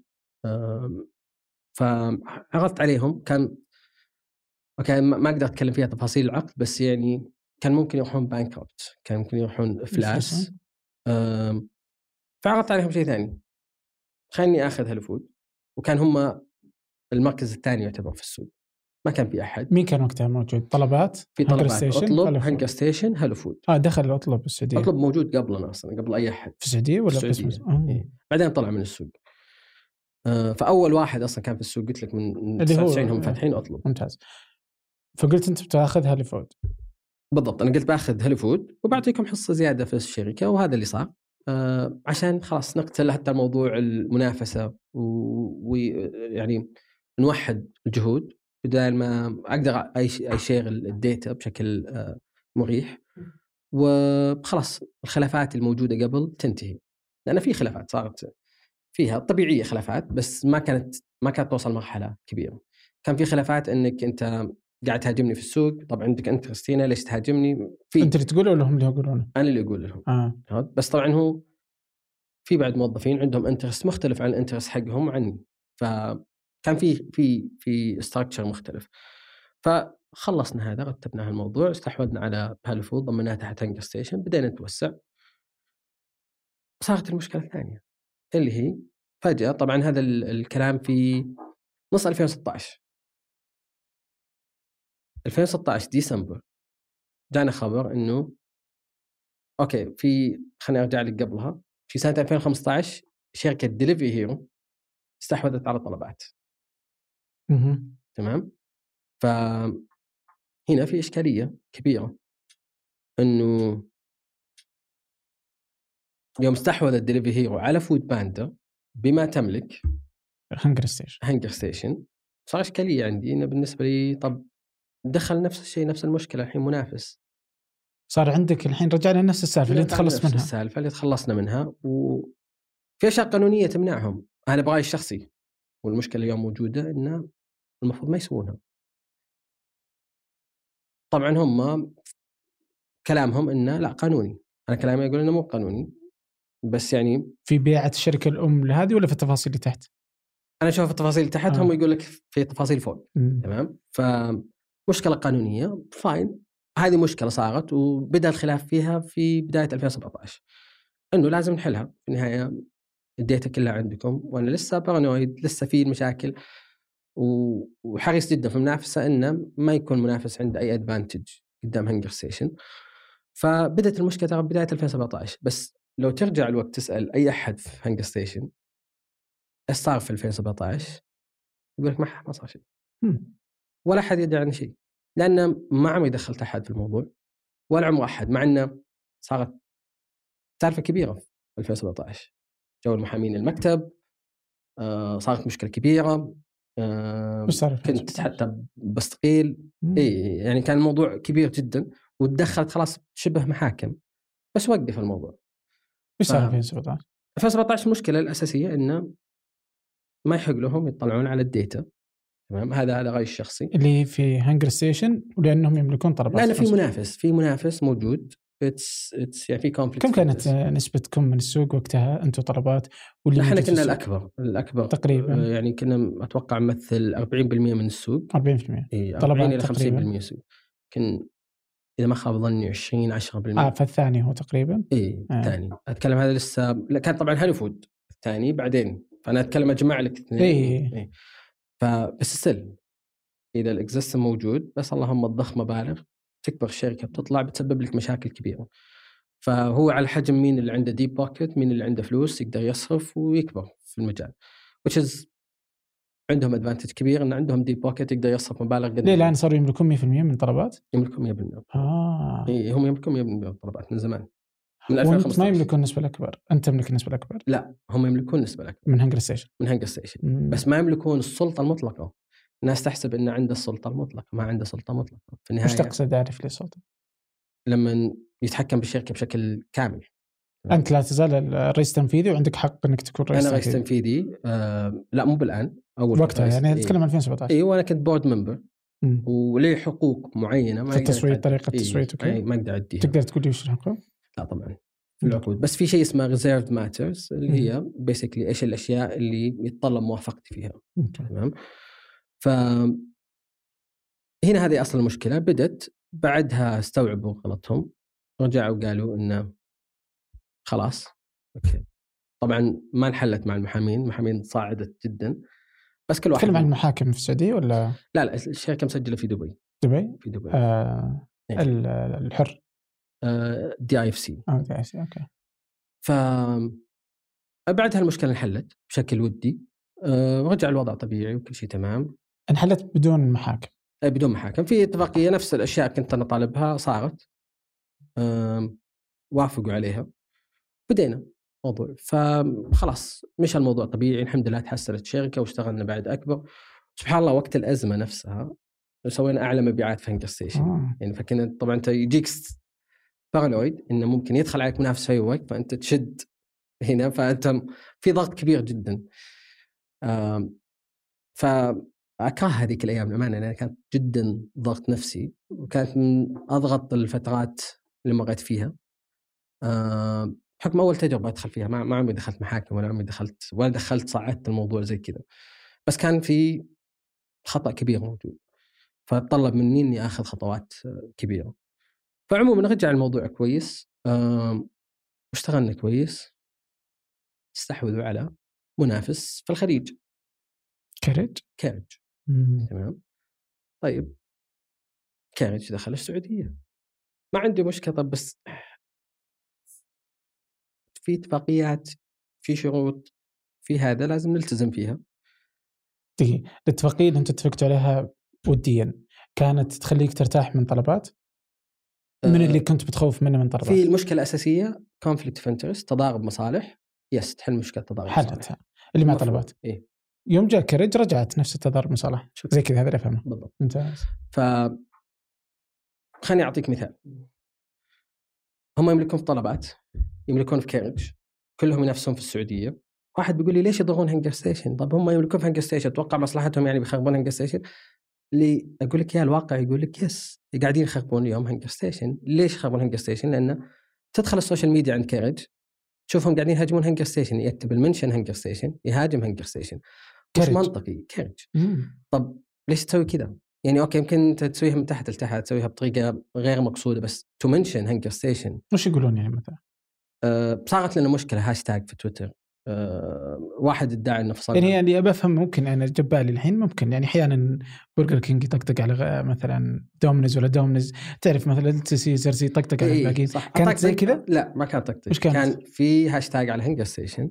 مشكلة دخل يزيد المشكلة وينشر الهاشتاج أكثر. فتكنيك نفس الشيء طب صارت كاريدج يمكن غلطة من كاريدج يجيك طلبات بعدها طب دقيت على كاريدج وقتها تقول إيش جالسين تسوون؟ طبعا صعدنا الموضوع. صعدنا الموضوع بالغلط ما أدري إيش. بس بعدها بأسبوع طلبات تسويها طلبات. ففي إحنا هذا شعوري الشخصي انه في أهداف ممنهجة ضد هنقرستيشن بقول لك ليش اهداف بعد الناس تقول لك ليش يسوون كذا؟ طب هذا التساؤل موجود عندي ليش تسوون كذا؟ بعدين بتجيك تفهم السالفة ليه. طب ليه ما اشتروك؟ كانوا عارضين عليك إنهم يشترون كامل وتطلع من السالفة؟ طبعا. آه عشان أرجع أقول لك إياها في الشركة الام دليفري هيرو which is يعني واضح إنهم اشتروا اثنين ورا ما يأخذون ويفتكون من. السالفة. لو ترجع هذه هذه معلومة عامة. لو تفتح على دليفري هيرو هي نازلة في البورصة الألمانية. ادخل شوف الشركات اللي يملكونها. 99% من الشركات أو كل الشركات يملكونها 100% الا هانجر ستيشن. هانجر ستيشن صارت مكتوب كم؟ إيش؟ مكتوب كم؟ مكتوب يملكون 63% 63 تمام؟ آه هذا بعد ما أعطيناهم حصة في هلو فود بسبب هلو فود آه آه هانجر ستيشن تعتبر أكبر شركة في الشرق الأوسط من ناحية الدخل مم. دخل هانجر ستيشن السنة اللي فاتت تجاوز مليار ريال سعودي دخل مش مبيعات تمام فطبيعي يهتمون فيها طبيعي إن الموضوع حساس بالنسبة لهم لأنها أكبر شركة تمثل لهم دخل باعتقادي الشخصي. هانجر ستيشن. مقارنه بطلبات كم مثلا؟ ما أدري كم طلبات بس أكبر من طلبات. آه. آه، أتوقع طلبات ما أتوقع وصلوا مليار. يبغالي اتاكد ماني متأكد بس ما إحنا أكبر أكبر ناس موجودين في الشرق الأوسط. وحنا شغالين في دولة واحدة. السؤال أهم. طلبات كان شغال في كل الدول. صح؟ الخليج كان يشتغل في كل الدول. صح. ليه هانجر ستيشن ما اشتغل في كل الدول؟ أنت ما مو أنت الرئيس التنفيذي أنا رئيس تنفيذي روح ودي؟ بس اي بس كيف كيف كيف تتوسع؟ طبيعي إنك تتوسع صح؟ مم. ما توسعنا فأنا إيش دقيقة أنت الحين تبغى تتوسع ما يرفضون؟ أنا اللي بقول لك إياه بطريقة مختلفة إنه كارج وطلبات موجودين في دول الخليج بس ف طبيعي يقول لك إنك تركز في السعودية أحسن. طيب يمكن آه. السعودية أقوى. طبعا السعودية أقوى. يعني أنت السعودية. السعودية يعني طبعا طبعا هذه ما فيها شك. بس هل المفروض إنها تمنع وإنك إلى الآن ما؟ تقدر تسيطر على السعودية. إلى اليوم إحنا نتكلم 2020 أنا أشوف يعني انه ممكن تروح للحسا وتلقى لا تزال أضعف. يعني ما, ما في أحد صح، يخدمهم. صح. فنتكلم عن الأحساء. ما بالك عن المد... ال- المدن صح الطرفية؟ بس أنا أشوف إنه خلصنا السعودية. yes ومو معناته إنه تتوسع منطقة ثانية. معناته إنك توقف السعودية، السعودية صح. ما. توقف في النهاية أنت في النهايه من أكبر الدول في الشرق الأوسط أهم أسواق الشرق الأوسط أنت سيطرتها المفروض يعطيك قوة إضافية إنك تتوسع. ال vision وأغلب توجهات من الهيئات الحكومية اللي تساعد وتحاول إنه آه، آه، تسوق إنك توسع برا السعودية. ليه ما في شركات سعودية برا السعودية؟ غلط إنك تقول والله أنا في اكبر سوق أبقى في السوق السعودي. أنا أشوف غلط. صح إنك السوق أكبر سعودي تركز فيه بس ما يمنع إنك تتوسع. اليوم عندك قاعدة قوية تساعدك إنك توسع أي منطقة. ليه ما أتوسع أي منطقة؟ ليه أنا أبدأ في دولة أقل من السعودية بكثير وأقدر أتوسع لكل العالم؟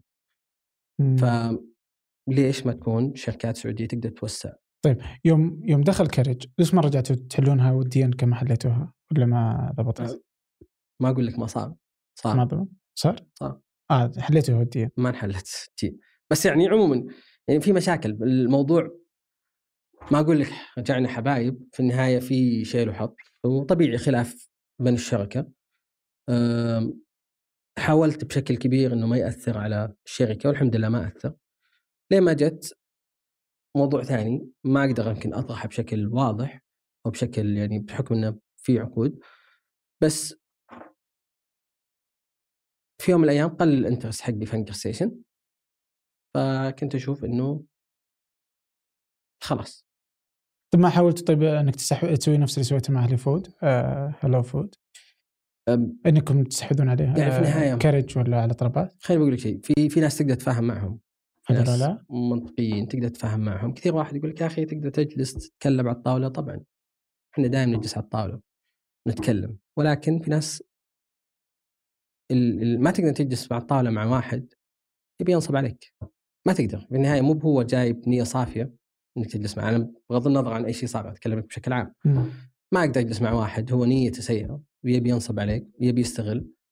وتوقع منه إنه بيطلع بديل كويس لك وإنه متفاهم بس إنه في misunderstanding مش فاهم. لا إيش مصلحته طيب أنا ماني فاهم صدق. يعني ماني فاهم ليش ما يبغى يعني ابى تصور حتى برضو إنه إذا هانجر ستيشن هو أكبر واحد يدخل فلوس في الشرق الأوسط. بالضبط. يعني وش مصلحته إنه ما يخليك تكون مبسوط؟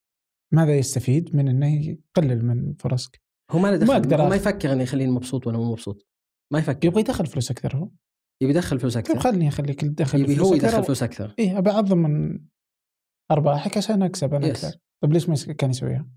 لأن ارجع أقول لك الشركات كلها يملكها 100% هانجر ستيشن ما يملكها كان يبغى يضغط على إنه يشتري حصتك مثلا؟ يعني كذا أنت تقرأ؟ أتوقع الموضوع واضح يعني في النهاية. إذا عنده حصة في هانجر ستيشن خلينا نقول في شركتين موجودين في نفس السوق أنت تملك فيهم هل تتمنى إن شركه تروح تنافس شركة اللي أنت مستثمر فيها ثانية؟ هل تتوقع إن الشركة هذه تقول لها روح وقع exclusive أضغط هذا قول لهم لا يوقعون مع فلان؟ طيب يمكن أخذها. برضو أنا أنا الشركة لما املك هذول كلهم كل ما زادت مكاسب هذول الثلاثة أنا زادت مكاسبي. صح. فخلهم يتضاربون وكل ما لها تضبط عندي. إي يتضاربون المصلحة إنه يتضاربون بدون ما يذبحون بعض. آه. صح فأقدر أخليهم اثنين يتهاوشون أستفيد بس بدون ما يذبحون بعض. الطريقة اللي صايرة غلط. فهم وما نجحت معهم طيب كنت. بت... هل كان يمديك تشتري حصتك؟ الحصه الباقيه لا طبعا ما ما كان خيار يعني في الطاولة. يعني ما, ما تكلمنا فيها بس ما أتوقع إنه مطروح على الطاوله يعني في النهاية في شركات الحين أتكلم لك again بشكل عام في شركات تبحث إنها توسع حصصها السوقية وما مو بهدفها إنها تربح من صفقات زي كذا. هدفها إنه داخل مجال آه خلينا نقول oil and gas داخلين مجال إنه يوسعون حصتهم في ال oil and gas هذا هدفهم الرئيسي. مو هدفهم الرئيسي يستحوذ على شيء يضبطه ويبيعه. هدفه إنه يزيد حصته في هذا. أنت داخل معك إذا دخل معك شريك استراتيجي الموضوع أصعب. مو بداخل معك شريك استثماري. شريك استراتيجي يبي يستفيد منك عشان يخدم أهدافه اللي هو مثلا زيادة الحصة السوقية. أوكي. الحين 2018 سبتمبر قل اهتمامك. رحت الشرقية. إيش الاوضاع؟ أه شلون إيش الاوضاع؟ يعني إيش إيه، ليش ما قدمت استقالتك؟ آه مشيت؟ قل اهتمامي بس ما وقف اهتمامي. بس okay. لسه موجود في الشركة والحمد لله كبرت الشركة. للأسف طبعا بعد الأحداث اللي صارت الشركة سجلت أسوأ نمو في تاريخ الشركة. مم. معدل نمو في هنقرستيشن كان يوصل 300% من سنة لسنة. نمو جدا عالي وضخم. للأسف السنة 2019 سجلت أسوأ نمو من بداية تأسيس الشركة. ف كانت تصفية حسابات آه، مشاكل آه، جانبية. ف كلها أنا عندي آراء خاصة فيني يمكن ما أقدر أشاركها بس يعني أنا أشوفها واضحة. واللي بقول لك إياه أنا ما اخترتهم. صح؟ في ناس تتخيل إن إبراهيم أنت ناقشتهم ودخلتهم معك شريك كيف تسوي فيهم كيف آه، تتعامل معهم كذا؟ أنا ما دخلتهم معي آه. هم دخلوا غصب. دخلوا من شروا حصة شريك كان موجود. أنا ما تفاوضت معهم. أنت أنا تفاوضت مع فودباندا؟ ودخلوا شركاء معي في الشركة. شركة ديليفري هيرو استحوذت على فودباندا ودخلت في الشركة. أنا ما تفاهمت معهم ولا اعرفهم قبل. بس إني حسيت منك انه كلهم نفس الطباع يعني. لا لا. يعني الأول إنك كنت تقول مو واضحين خليني بقول لك. أبحث عن الشركتين. شوف القضايا. بس مثلا أنت قبل شوي تقول لي مثلا يعني أحد- كنت أحد- تروح من وأنت أحد تتفاوض. معهم؟ أحد كنت تقول إنه سمعتكم سيئة. صح. إذا سمعتهم سيئة من زمان. صح. آه. وكلهم سمعتهم سيئة أنا أشوف هذا بالنسبة للبحث في الإنترنت السمعات كلها سيئة. يعني واحدة من الشركات الشرطة الألمانية اقتحمت مكتبهم بسبب إنهم هاجموا منافس لهم هجمة إلكترونية. وعليهم قضية ثانية إنهم سرقوا بيانات شركة ثانية. وهذا كله موجود في الإنترنت. أنا ما أدري عن صحته بس أنا قاعد أنقل أشياء موجودة في الإنترنت. واحدة من الشركتين هذول فللاسف الناس ما تبحث آه، بس لو تقرأ في النت بتشوف إيش المشاكل. وللأمانة في في ناس واجهت مشاكل أكبر مني بكثير. مشكلتي أنا تعتبر يعني سخيفة من المشاكل اللي واجهوها الناس الثانية. في ضحايا لهم. في دول ثانية؟ دول ثانية. آه. ف للأسف يعني في في يعني الشركات الكبيره كلهم عندهم. أشياء الناس تتخيلهم إنهم كلهم ماشيين بخط مستقيم كلهم ماشيين بنظام واضح. ولكن الواقع يقول لك لا أنا أقدر أجي أرمي عليك قضايا لين ما تتعب أنت ما تقدر تحملها. أقدر آه، أتبلى عليك بأشياء آه، أقدر لأن عندي قدرات أنا أنت ما تملكها. أقدر أتعبك فيها. فكلها سياسات الناس الفاهمة فاهمين إنه في في practices موجودة. أقدر أتعبك إياها. كلنا شفنا movies كلنا شفنا في أشياء كثير يقدرون يسوونها عشان بس يضغطون على أحد. تمام؟ ف ما أتوقع أي شركة ما أقول لك إنها السعودية ما, فيها أشياء زي كذا حتى السعودية أتخيل ان في أشياء زي كذا. بس لا احد يستبعدها بس ببساطة.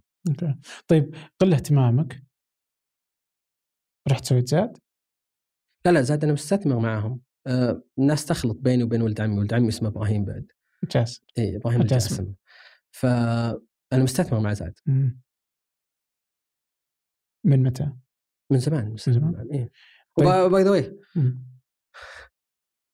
ما أقدر أقولها بس يعني مستثمر مع زاد وكل أحد يدري مو مو شيء يعني مو شيء جديد متى تصير تضارب مصالح مع يعني كذا هذه ودي أفهمها كيف تشوفها متى تصير إنك تضارب است... صالح؟ يعني زاد يعتبر في نفس القطاع لا لا, لا مو نفس القطاع ابدا يعني ما قاضي بس إنه مو بعيد لا لا؟ لا ابدا مو نفس القطاع. خليني بقول لك إياها مثلا أه خ...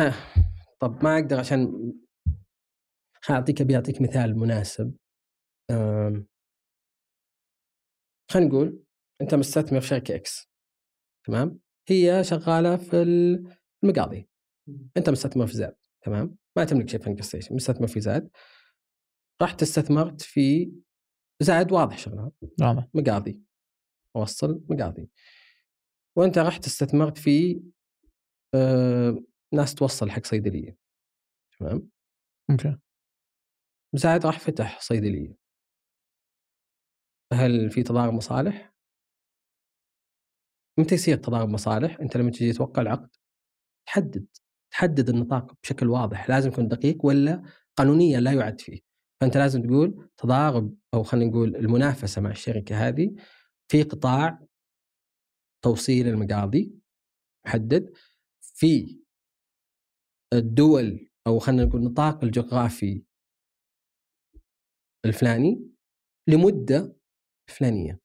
هذه عشان تكون قائمة قانونية فلازم توضح. ما تقدر أنت تقول جوجل طيب. جوجل دخل في كل شيء امازون دخل في كل شيء. صح. هل معناته موظف طلع من امازون فتح لي شيء بيقول له تعال يا حبيبي أنت قاعد تنافسني. ليش تنافسني؟ امازون انت داخل في كل شيء. أنت لا تغلي داخل في كل شيء. اليوم هنقرستيشن yes متوجه كل شيء بس مو معناته إنه في تضارب مصالح ابدا ابدا. لأن هنقرستيشن داخل كل شيء ما تقدر تحده. وحق تضارب المصالح ترى محددة بالعقد دقيقة جدا. وش؟ ما أقدر أقولها بس محددة جدا وما كان عندي تضارب مصالح. الناس تحسب عندي تضارب مصالح ما كان عندي تضارب مصالح. زاد تدري إنه ممكن يكبر ويبدأ يدخل هنقرستيشن وينافسه يدخل في الأكل. لا طبعا. ليه؟ لأني ما بنصح أحد ينافس هنقرستيشن آه فإذا تعتمد على إنك بتنصح ولا لا. بس لو قرر يا إبراهيم بيسويها. طبعا ما أدري إيش- إيش الوضع القانوني. مثلا انت نفس الشيء يقول واحد شغال ملابس يمكن يكبر يا أخي زينون. وبيدخل قطاع توصيل أكل. مم. ممكن. صح. بس ما أدري إيش حلها قانونيا الأمانة. بس هل معناته إنك لا تستثمر في أي تطبيق؟ لا تدخل أي مجال؟ بس خليني بوضح لك شيء. okay. كنا نبي ندخل مقاضي هنقرستيشن. حلو. ما سمحوا لنا ندخل مقاضي بحكم إنه مو مجالنا. دخلنا زاد. في المقاضي. ولا وby the way زاد يمكن إبراهيم وسعود يمكن يزعلون علي بس دائما أقولها. ترى عادي في أي يوم ننافسكم بس نقطة. ففي النهاية business is business دائما هذا اللي أقولها. business business إذا دخلنا وبيني وبينهم أصلا ما في بيني وبين زاد ما في شيء حق تضارب المصالح بحكم إنه ممكن صدق ندخل. يمكن اي ما عندك مشكلة إنك أنت مستثمر. بس. yes. فما عندك مشكلة إنه يصير تضارب مصالح. بس أنت لما تكون رئيس تنفيذي لزاد then بتصير مشكله أول شيء صح؟ عادي إذا صرت رئيس تنفيذي حق زاد ما يصير فيه مشكلة وما كنت رئيس تنفيذي لزاد ما أدري مين اللي يقول أنا رئيس لا تنفيذي لا لا لزاد. لنفرض إنك إذا فت... فهنا إني بجيبك في هنقرستيشن حلو فهو إنه أنت تقول إنه زاد لا، حتى زاد الحين لو. تنافسه ما تضارب مصالح بس لو إبراهيم يروح يسوي تطبيق ثاني لا مو بتصير. مصالح صح؟ أنت لا. ما بتزعل لو إبراهيم راح سوى شيء يشبه زاد على حسب العقد اللي اوله شرط اخر على حسب الشرط إجل ودي ترسم لي هنا وين تقدر تحس إنك تضع خط فاصل ما بين كذا أخلاقيات التنافس وما بين تعارض المصالح والاتفاق اللي ما بينك وما بين الاستثمار. آه، آه، شركائك. هو شوف ترى موضوع قانونيا أنا حتى ممكن اخلاقيا. خلينا نشيله. معقد اخلاقيا أنا أشوفه مثلا نحط خط فاصل إذا افترضنا إن القانون آه،. اللي يخدمك حتى إيه اللي يحكمه دائما دائما اللي افضله. وأحبه يكون موجود كل شيء كل شيء يكون واضح إنه إذا في عقد ينكتب في العقد إيش النطاق؟ إيش الحدود؟ لأن في هنقرستيشن مثلا أنا ال vision حقتي من البداية إن نبي ندخل كل شيء بس مو شرط إن حتى ال shareholders super app يعني ولا إيش قصدك كل شيء؟ المفروض إن توجه super app وأنا مؤمن بس قضية ال super app وهذا لو تلاحظ التوجه اليوم الجديد في هنقرستيشن. أه بس ما تقدر أنت تيجي تقول والله طب خليني أعطيك مثال ثاني. نون. نا- ناخذ مثال كنون. تمام؟ امازون امازون أفضل. امازون كي- كيف بيقول مثلا واحد موجود؟ إيش أنت حط لي؟ إيش الفاصل حق المنافسة مع امازون امازون داخل كل شيء. صح؟ مم. لو طلع واحد خلينا نفرض إنه فيهم خمسة founders طلع بيسوي له business ما يتقاطع مع امازون إلا ما يلقى شيء يتقاطع مع امازون يمكن يكبر زي ما تقول أنت. يمكن يكبر يدخل على امازون يمكن يسوي طبعا كل شيء يعني. تصير اللي إنه يكبر إيه، وممكن حتى يشتريه من جديد مرة ثانية. عشان كذا القانون fine بس إنه وين بتصير المشكلة؟ تصير زي اللي صارت مع وي وورك إنه كذا إنه أنا رئيس لا لا تنفيذي. وي وورك وضعها مختلف تماما. وضعها مختلف تماما هذه يعني- شركة يملكها هو بعدين مسوي لها license. اي طيب ابدا ترى ما صار الاشياء زي هذه ابدا لا لا. يعني كذا اللي يروح يأجر لنفسه بعدين يدفع الشركة اللي هو يملكها طبعاً، بعدين طبعاً. فهمت؟ بس هذا هذا غير هذا أنا أشوفه فساد آه. هذا هذا فساد بس وين الموضوع في المنافسة مع شيء زي كذا هذا مختلف هذا أنا عندي شركة وقاعد عندي تعب عنه مم. ترى اللي سواها حتى هو قانونيا لأن ال shareholders معطينا كل الصلاحيات إنه هو اللي يسيطر فيها وموافقين طبعا هذه غلطة من المستثمرين يمكن debate مختلف آه، ممكن هم وافقوا عليها debate مختلف. بس ليش أنت تقارن WeWork في ال situation هنا؟ it's not the same ابدا. تمام؟ فمختلف تماما. يعني لاني ما بحس إنك آه يعني عادي إنه مثلا نفرض إنه أنت رئيس تنفيذي. طب خليني بأخذ على ثمانية. طب خليني عشان شيء. عشان خليني بعطيك. بعطيك شيء ثاني. تمام اليوم طلبت من Carriage okay طلبت من Carriage أنا؟ الفترة اللي فاتت لا لا ما أتوقع شكرا طلبت من طلبات ابدا طيب أبغاك تطلب اليوم وبكرة تمام مين بيوصل لك؟ HungerStation أه؟ اليوم؟ اليوم اليوم أطلب أطلب اليوم آه، بس نخلص أطلب. وأدعو أي أحد جرب أطلب شو مين يوصل لك؟ كيف؟ شلون؟ يعني أنت أحكم أنت أحكم هل أنا أملك في Carriage؟ لا هل أملك في طلبات؟ لا هل يسوون الخدمة هذه حق Uber Eats؟ لو جاهم Uber Eats وصلوا له ما أتوقع يوصلوا له تمام؟ ف أنا قاعد أتكلم بشكل صريح. جدا فانت جرب أنت اليوم أنت قول لي مين اللي يملك شركات موجودة في السوق؟ مين اللي ينافس؟ اللي قاعد يستخدم؟ أنت جرب نفسك اطلب وجرب.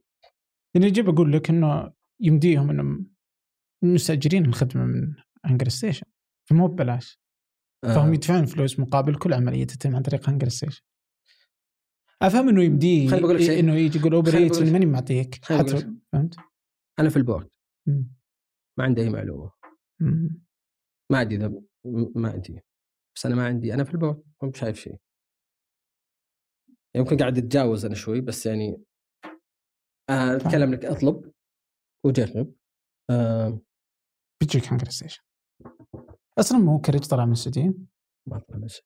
ما أدري حسيت إنه طلع من لا. استحوذوا عليه طبعا سووا ال consolidation آه. دخلوا Carriage في طلبات آه. فقط okay طيب. إيش كان شعور يعني مهم قبل ما حد يتكلم يقول شيء العقد هو هو في الفائز ناس تقول إنه لاعبين عليك في العقد وأنت اللي شوف فهمت؟ أنا اللي يعني هذه انه لا لا لا. اوه ملعب عليك في العقد تحمل اخطاء هذه المشكلة. قرا العقد. لا. شكرا. لا المشكلة إن في ناس تتفلسف كثير الأمانة. بس أنا قاعد أقول لك إياها في ناس تقدر تتفاهم معهم في ناس يعني قاعد يقول لي في ناس في ناس تسألني تقول لي لو رجع فيك الوقت بتغير شيء؟ وقول لا ما نغير شيء. بس الكلام مهما حطيت عقود إذا اللي قدامك ما يبي يلتزم فيها بس هذا ما هو ملتزم فيها. بتقول له لا في عقد. طب آه هذا اللي أنا أقوله. في عقد. ليه أتوجه لآخذ إجراءات قانونية؟ لأن بيني وبينهم عقد.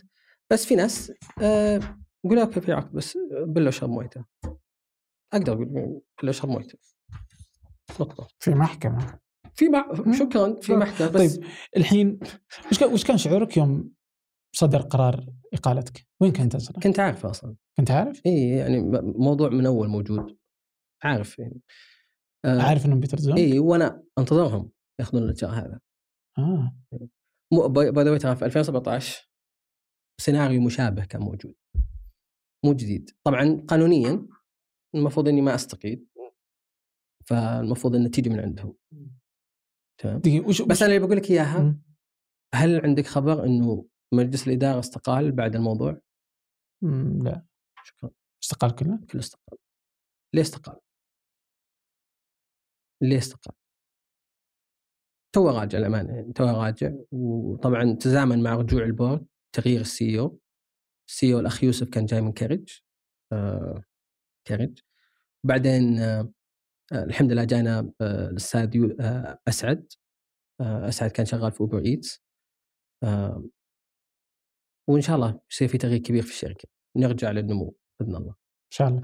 طيب ودي أفهم أنت تملك تقريبا 47% هيك شيء؟ 37 37% رياضيات عندك شوي مشكلة. لا حسيت إنهم يملكون 53 لا 63 63 okay.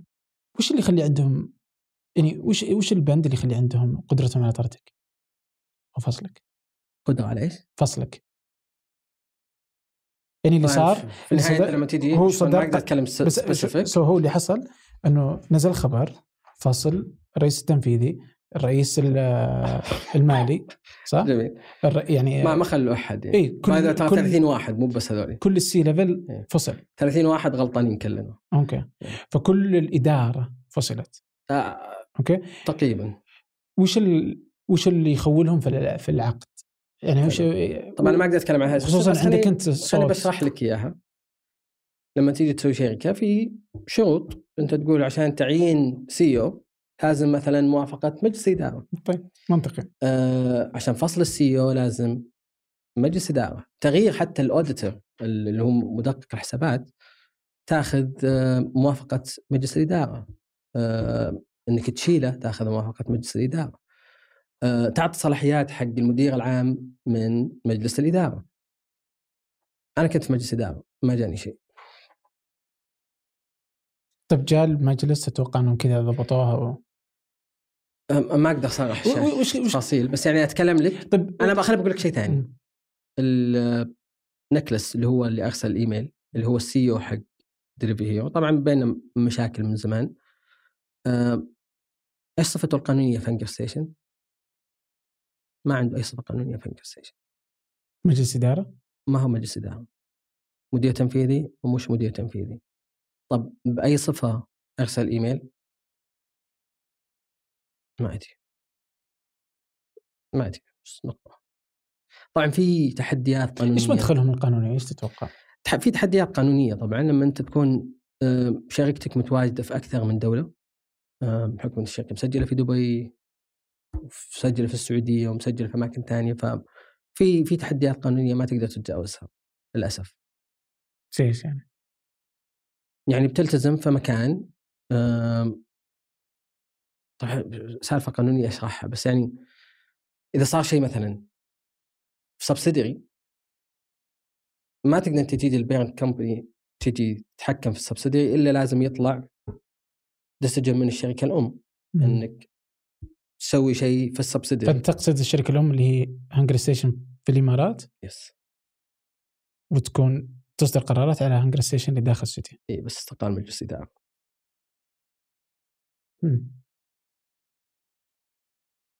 ف ومجلس إدارة تعين رجعنا اشتغل active الحمد لله قبل ثلاث شهور. من ابريل من May 2019 فالفتره هذه كلها بدون مجلس إدارة. ما ودي أدخل م- م- متى متى حسيت إنه في وجود في مشكلة؟ من 2017 م- خليني أقول لك من 2017 وأنا موظف محامي. لأني عارف ان في مشكلة بتكون موجودة. مم. فموظف معي محامي موجود والحمد لله هذا كان يعني أتوقع قرار يعني كان حكيم. إنه كان موجود في الظل نسميه. ما كان يسمعون عنه ولا يدرون عنه بس كان يتابع الموضوع. لأني عارف إن في نية سيئة موجودة ما رجعت الشرقية ولا جاني خلينا نقول انه قل ال interest حقي إلا في نية سيئة موجودة أو مبيتين النية أم، بيتي النية إنهم بي- يعني من إيه، وقتها من أول لا لا. إنهم إنهم بيقيلونك يوصلونكم كانت هذه واضحة بالنسبة لك؟ طبعا إيه، هذه واضحة هذه. آه قلت لك في 2017 يعني لأنه أنا شوف هي أحس إما إنه في في القانون في العقود في إما شيء إنه يخليهم يقدرون يسوونه؟ ولا ليش إنهم أكثر من سنة وهو واضح عندك؟ مشكلة. أو- إنه يجي يقول لك واضح إنك انت سويت شيء خلى عندهم ممسك يلون يدك ويقدرون يطلعونك. حلو. آه. يعني إما إنه قانون. فساد إنه كذا إنه في شيء ممسك لا لا. عليك. لا لا خرابي. كل الناس نيتهم سليمة كلهم متفاهمين. ما نفترض إن في بلطجة في الموضوع ما نفترض إن في آه سوابق أصلا موجودة وشواهد موجودة. بس كلنا ننساها ونتوقع ان اللي قدامنا نصفي النية قدامه والأمانة هذه غلطة يمكن عندي إني صفيت النية من البداية آه، بس الحمد لله برضو إني أخذت قرار احتياط كان في محامي موجود وهو اللي ساعدني اليوم إن نكون إحنا في في بوزيشن ممتاز الحمد لله تحس إنك موقف قوي؟ الحمد لله كان في عروض مثلا للتسوية معروضه على الطاولة ولا من طرفه؟ عروض هزلية جدا زي إيش؟ ما أقدر أصرح فيه. طبيعي في هو في النهاية هو في النهاية ما يبي يدخل في المشاكل صح. هو يبي يخلص. بس آه، يعني توصل في منطقة في النص. حلو. نبي نوصل منطقة في النص. بس من قال إنه هو يبي يوصل منطقة في النص. تمام؟ ففي النهاية أرجع أقول لك لما أنت شخص تتعامل مع شخص هو يبي يستغلك. لا تتوقع منه إنه إنه شخص أقدر أتفاهم معه. آه، مشكلة في أدلة كثير. تمام إن شاء الله إذا سمح لي الوقت وسمحت يعني أنا محترم القانون جدا وحاولت إني ما أصرح كثير يعني مع إن يدي تحكني الأمانة. آه بس ما قاعد أصرح كثير مع إن اليوم كنت صرحت أكثر شيء. بس لما لأن كانوا يتكلمون يطلعون إشاعات غلط. آه وكلام كله غلط ويألفون أشياء. آه وهذا غير واقعي في النهاية. فالعبره في الخواتيم طيب آم، هل هل كان طيب للحظة ما الاستثمار الأجنبي مفيد لك في الشركة؟ طبعا نشجع الاستثمار يعني ما أقول لك كان مفيد المفيد والله استثمار الوالدة الأمانة؟ آه. بركة جدا وأنصح أي أحد يأخذ فلوس من الوالدة طبعا منول داتا فهذا المفيد آه،. أكيد مو كلهم يجون بس- ول داتك ترى يعني يعني سمعت أنت مثلا تطبيقات سعودية أخذت آه. تمويل ضخم صح؟ آه. آه، كم توقع التمويل اللي دخل هنجر؟ هنجر ستيشن اليوم يسوي سنويا السنة اللي فاتت 240 مليون يورو مليار و100 مليون ريال دخل مش مبيعات دخل كم قيمته طيب؟ الباقي مختلفين عليها انت احسبها آه. لا في في حسبة سهلة بس يعني أنت احسبها آه، طب أنا ضعيف رياضيات احسبها لي ما أحتاج غذيات فأتوقع يمكن المختصين هم أدرى. طبعا في النهاية شيء نسبي وشيء في يعني سبجكتيف كثير ناس يعني نتكلم عن حدود. ما أقدر أصرح في أشياء حدود يعني كذا يعني. ما أقدر أصرح. ما أقدر أصرح بس بيجي الوقت اللي أصرح فيه. بس عموما تعتبر من أكبر الشركات لو قارن حتى بتداول. طب أكثر من مليار, مليار آه، دولار. ما أقدر أصرح. بس أتخيل إنه هل في شركه تسوي زي كذا معلنة عارفينها؟ ما أدري. ما أتوقع فيه. آه. فأتوقعها من أحد أكبر الشركات إذا ما كانت أكبر شركة موجودة. أه، هذا رأيي الشخصي طبعا. ما ما أدري ولا أقدر أحكم لأن ما عندي معلومة بس هذه المعلومة العامة الموجودة الوحيدة. فبناء عليها أحكم. ممتاز. بس اللي بقول لك اياه قيمة دليفري هيرو اليوم 30 مليار يورو. هنجر ستيشن أكبر شركة. تمثل لهم من ناحية ال revenue هذا باعتقادي الشخصي. overall في كل مكان مو بس في الشرق في الاوسط 40 دوله فلك الحسبة. تمام؟ ف وكلها public you can check it يعني مو مو مو بمعلومات خاصة. مو معلومات خاصة. طيب آه، أوكي. شلون أكون ذكي علشان أتعامل مع الاستثمار الأجنبي؟ بعد التجربه البايخة. طيب لأن طيب في ناس تتوقع إنه يقدر يتفادى السيتويشن هذه يقدر يتفادى الحالة هذه. أنا قاعد أقول لك مستحيل تتفاداها. يعني أنا كنت متوقع إنهم سيئين وحاط احتياطاتي ولا لو احد شاف العقد بيقول ممتاز جدا. دقيقة يعني إيه، دقيقة. تقدر تقول لي إنه مستحيل إنهم لاعبين عليك العقد؟ لا لا مستحيل. آه. العقد الحمد لله ربي وفقني إن العقد جاء من صالحي جدا. الحمد لله. تمام؟ ولا كنت يعني بيجي الوقت أتكلم فيها وبصغر فيها بتفاصيل إذا سمح لي القانون. تمام؟ آه بس العقد جدا ممتاز. بس اجين الناس كلها تفترض إنه كل أحد بيمشي بالعقد. لو كل أحد يمشي بالعقد ما كان في قضايا. تمام؟ لو كل العقود واضحة بعد كان ما كان في قضايا. كان ما في زاد؟ آه. أنت تحدني أتكلم. زاد مو مشكلة. سويفت. ولا سويفت مشكلة. ولا سويفت مشكلة. هذا راي شخصي. لو كل شيء تمام سويفت موجود إيه ليش لا؟ مم. ليش لا؟ ليش لا؟ أنت كنت تتوقع انهم يفصلونك يوم فصلوك ما كنت داري صح؟ ولا الخبر إلا. قالوا لك خلاص إنك تنفصل؟ إيه يعني خلاص القرار ما إيه كان مفاجاه إيه الناس ما كان مفاجأة عارف الموضوع تمام بس الكلام إنه هو ال- الطريقة إنه طريقة خلينا نقول آه، إذاعة الخبر كانت مختلفة كان متفق؟ كنت تتوقع إنه يكون كذا ولا؟ لا بس لها أهداف بعد. لها أهداف واضحة. ف هبوط هنجر ستيشن السنة اللي فاتت. ما أتوقع كان نمو. آه. ما كان في نمو. ما كان في ما كان في نمو. إيه ما كان في يعني بس إنه المنافسين جالسين ينمو هل لوجود منافسين شرسين ولا لضعف آه واللخبطة اللي صارت في هنجر ستيشن؟ يعني again الأخ يوسف ما قصر يوسف عبد العزيز جاي من كارتج وفي كارتج تعبنا كثير للأمانة تمام؟ وكارج بالنسبة لنا حساس بحكم إنه برضو يعتبر يملكونهم. جاء في وقت الشركة فيه حساسة و الحمد لله إنه وصلها نوعا ما لبر الأمان بس طبعا فقدنا فقدنا أهم عنصر في هنجر ستيشن اللي هو النمو النمو سريع جدا. فطبعا النمو السريع تجي مع مشاكل كثير بس يعني هذا فقدناه في 2019 و... وأكيد تفقد معه حصة سوقية. بس still تظل اليوم انت اكبر واحد فرق شاسع عن اقرب منافس. لأن أساسياتها أنا أشوفها الحمد لله هنجر ستيشن مو مو بفضل من عندي. الحمد لله ال team اللي كان موجود آه، هو اللي ساعد هو اللي بنى هو اللي أسس. أنا ودي أسألك عن موضوع معين. الحين كذا فيه آه، هذا موضوع حساس ما تقدر تتكلم فيه. الحين ودي إنك تعطيني الصراحة. آه بنطلع من القوانين. فمفترض الحين أخذ الصراحة. إيش القوانين؟ يعني الأشياء القانونية. الحين بخلي الالمان على جنب. حلو أهم. شيء ما. في اشياء إيه. قفلنا الان بجي على هنجر ستيشن ك... كنموذج ربحي. يعني في واحد يملك يعني من واحد كذا من يعني يملك واحدة من أكبر السلاسل المطاعم في في المملكة. حلو. أوكي. فكان يقول آه في جلسة ما إنه هنجر ستيشن يراهن على أنه نموذج ربحي سيء وأنه سيخسر وأنه مو بصحيح وأنه الآن هو مجرد يحرق فلوس ممكن يسوي أي شيء.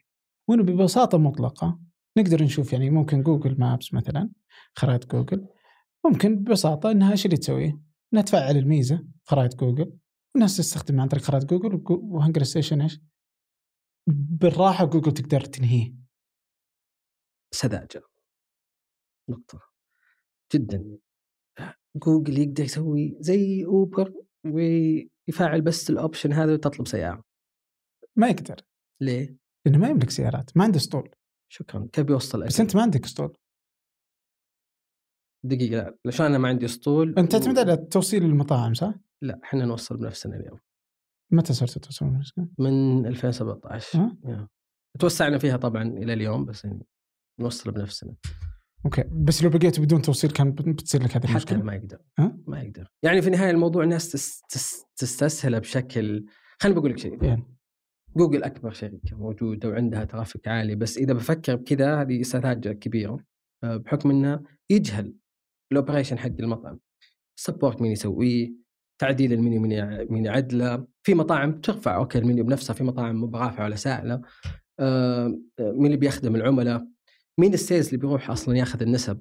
أوكي بتقول بيسويها ببلاش طب خليه يسويها ببلاش ليه ما سواها؟ اليوم فكرة جوجل إنه يتعاون عشان يسوي هي شركة ربحية في النهاية يبي يبي يربح فلوس.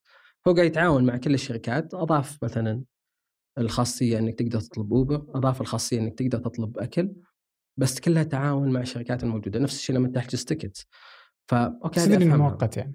بس أرجع لك عن نموذج ربحي. تدري إنه مؤقت إنه تقدر جوجل إذا شغلت سياراتها هي عندها مشروع حق السيارات إيه. لانها كذا انها تقدر تشوف اوبر يا سيدي ما جوجل ممكن تسوي كذا. اذا أنت استخدمت اليوم اوبر عن طريق خرائط جوجل إذا مع الوقت وغير إنها تأخذ فلوس منهم صح؟ اي هذا خيال علمي. بس ما تدري بيصير ولا لا. يعني في النهاية خيال علمي. هذاك الوقت من الحياة. لما يكون سلوكي كله على جوجل then أحس إني باخذك باخذ هذا على افتراض إن سلوكك بيبقى على جوجل هذيك السنة. آه. أنت في النهاية حط في بالك إنه تغييرات سريعة لا هنجر ستيشن يلحق عليها؟ ولا جوجل ولا امازون ولا أحد. اليوم تموت شركة في يوم وليلة ولا أحد كان يتخيل نفس الشيء نوكيا. نوكيا. تمام؟ ما حد كان يتخيل. صح. خليني أقول لك مين يقدر يسوي شيء أكبر من جوجل ليه ما حد فرط ابل تقدر تقول لك اسمع تطبيقك على ال App Store ممنوع.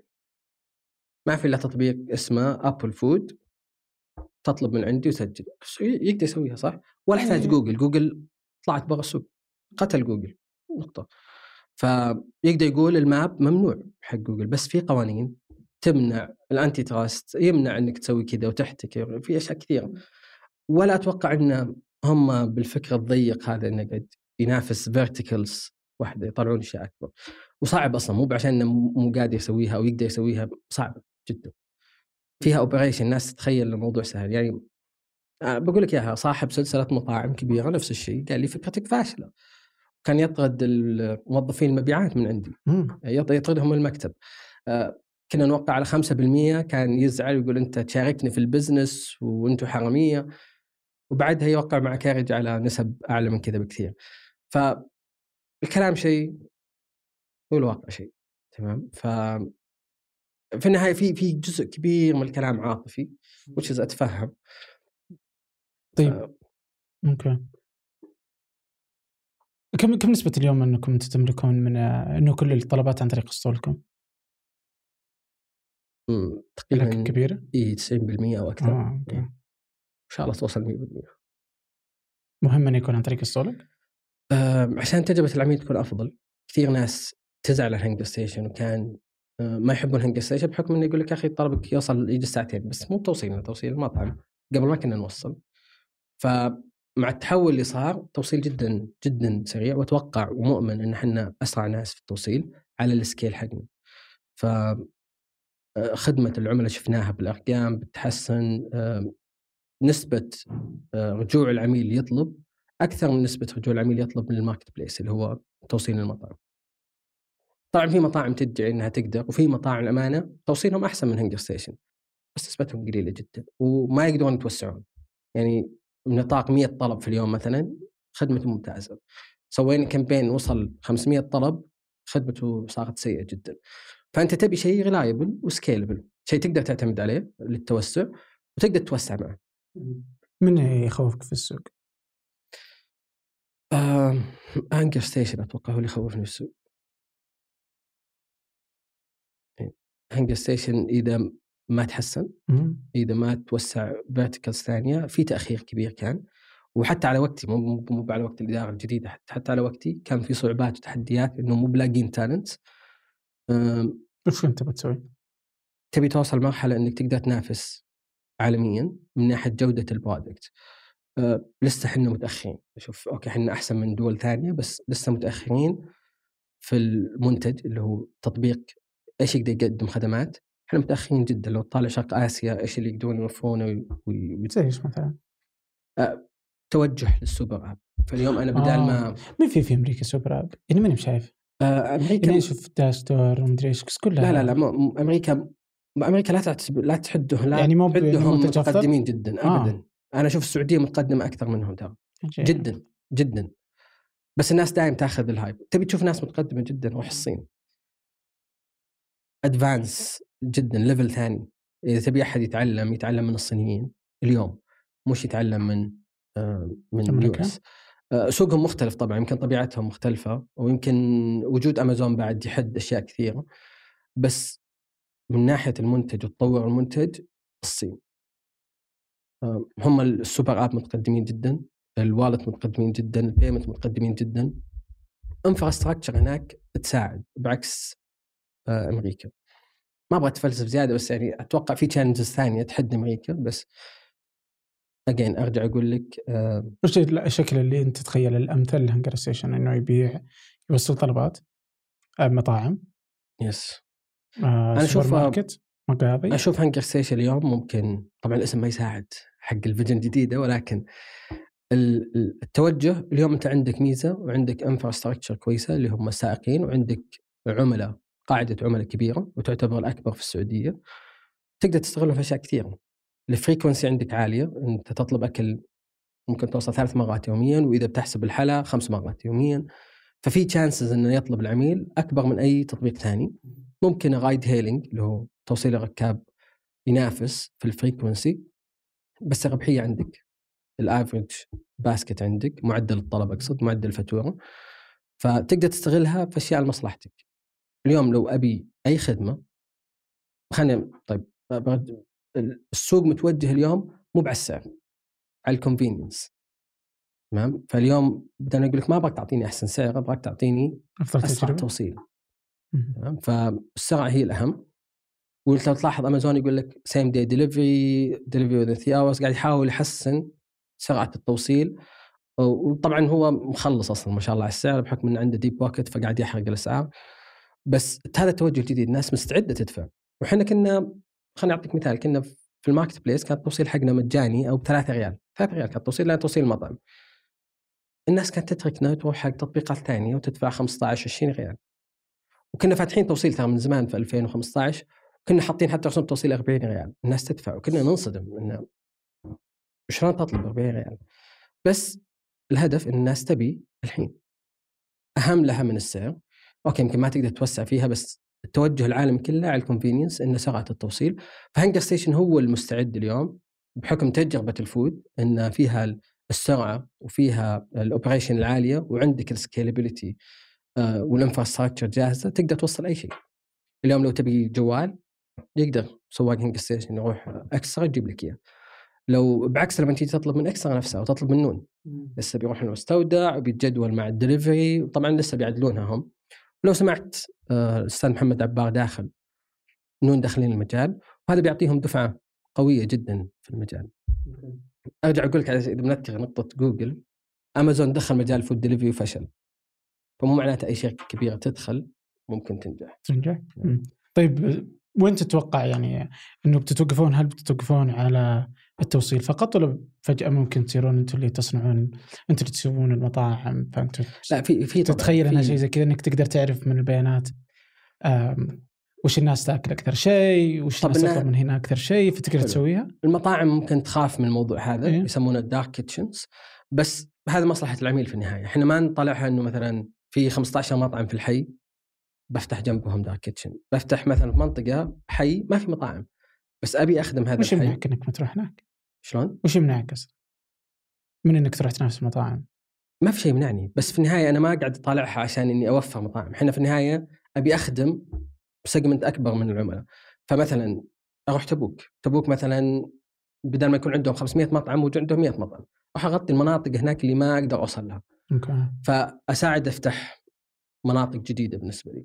اليوم. okay. في تجربة في ألمانيا كذا كانت إنه في مدينة صار لها زي خلينا المطاعم وقفت بشكل كامل راحوا فتحوا لهم dark kitchens بدوا يبيعون حق يوفرون options أكثر للعملاء. okay. طيب اليوم أنت تطلب من وين؟ definitely هنجر ستيشن ولا جد؟ طبعا طبعا بدون منازع ما يعني في النهاية دعوة. ما يوصل له متأخر. أوكي جميل. طب خليني بوريك أنا خلال كم يوصل؟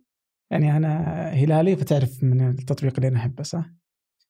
آه كلنا نحبه. الامانه صراحة جاهز مغسول. آه كل التطبيقات الموجودة كل التطبيقات الموجودة آه أقدرها وأحترمها وبالعكس أتمنى لهم النجاح مو معناته إذا هم نجحوا معناته إحنا إيه. نزلنا بالعكس آه كلنا نستفيد وكلنا نتعلم من بعض. طيب الحين أنت بعد هذه التجربة ومعرفة آه هل سهل إنك تقدر تسوي هنجر ستيشن من جديد؟ بإذن الله. ال team الصح آه، هنجر ستيشن أنا ما بنيته بنفسي. في team جبار كان خلفه و team سعودي والحمد لله يعني أثبتوا نجاحهم آه، لهم الفضل بعد الله. فطبعا مع أي أحد أتوقع عنده the right team he can build anything و he can compete مع امازون اللي الناس كلها قاعدة تقول لا أحد يفكر ينافس امازون بالعكس هذا يشوفها آه، يعني يحبطون العالم على غير سنع امازون ما تقدر تسوي كل شيء. بعكس الصورة السائدة يعني. السوق يقبل شركات توصيل جديدة؟ طبعا؟ يقبل. بس انت في النهاية على حسب طموحك. يعني في ناس طموحها إني أسوي فلوس جالس أنا مبسوط بالثالث الثاني الرابع وتبع في ناس طموحها تبي تكون الأول. هل في شركة ممكن تدخل السوق تصير الأول؟ بيكون صعب جدا. صعب جدا. إذا هنجر ستيشن استمر على النمو بس إنه في مجال انها تكبر في في شركات في أمثلة موجودة اليوم دخلت السوق مع كوفيد 19 ومع كورونا وأثبتت نجاحها تحملت الضغط وجاها سوق الحمد لله من من ربي رزقهم أه ولسه أتوقع السوق كبير جدا ضخم وقاعد يكبر. الناس تتخيل إن السوق خلينا نقول 100 السوق ترى اليوم 100 بكرة قاعد يصير 120 140 160 السوق قاعد يكبر والشركات كلها قاعدة تكبر معها الاستثمار اليوم والاستثمار 2015 نقلة نوعية كبيرة مم. جدا طبعا. اليوم خليني برجع لك في سؤال يمكن ما جاوبنا تسامع الاستثمارات اللي قاعدة تصير. في ناس ياخذون على 20 مليون دولار في ناس ياخذون على 30 في ناس ياخذون على 10 في ناس ياخذون 5 مليون دولار. كم تتوقع اليوم حجم هنجر ستيشن 240 مليون يورو كدخل؟ كم حجم الاستثمار اللي دخل هنجر ستيشن؟ عطني رقم يعني في استثمار صار مؤخرا ولا؟ لا لا الاستثمار اللي دخلوا فيه الشركة آه، اللي. دخل أول؟ اللي دخل هنجر ستيشن بالضبط كم مع الوالد والوالدة وفلوسي وكل أحد توتل دقيقة انت تتكلم عن البداية ولا بعد من الاستثمار؟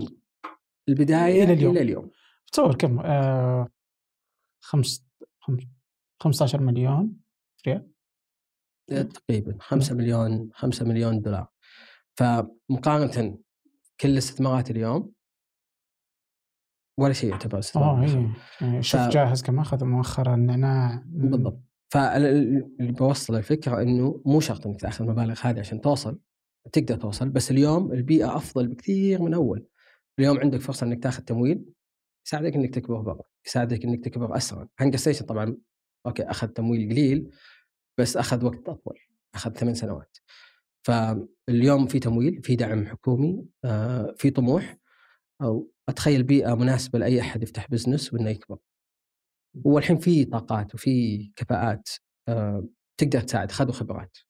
فأتمنى إن شاء الله يكون نسبة نجاحهم أكبر. طيب كم نسبة نجاح هنقرستيشن وها نجاحك تعود إلى حظ أو اجتهاد؟ آه، ما أقدر اسميها حظ بسميها توفيق. آه، أكيد توفقنا. ما أقدر أقول لك أنا والله بذكائي ولا بجهدي ولا هذا ال team ربي وفقنا في أشياء في أشياء سويناها غلط بس ربي ستر علينا ف آه، بقول لك ال team توفيق ربي طيب لو آه، هنقرستيشن دخل الخليج قديش يقدر يكون هو هنقرستيشن في السعودية؟ قد- آه إنه يشكل الحصة الأكبر هل هو شيء سهل؟ لا لا اجين إذا دخلنا الخليج هل تقدرون تصيرون الأول في الخليج؟ طبعا طبعا ما فيها أتوقع نقاش. طبعا.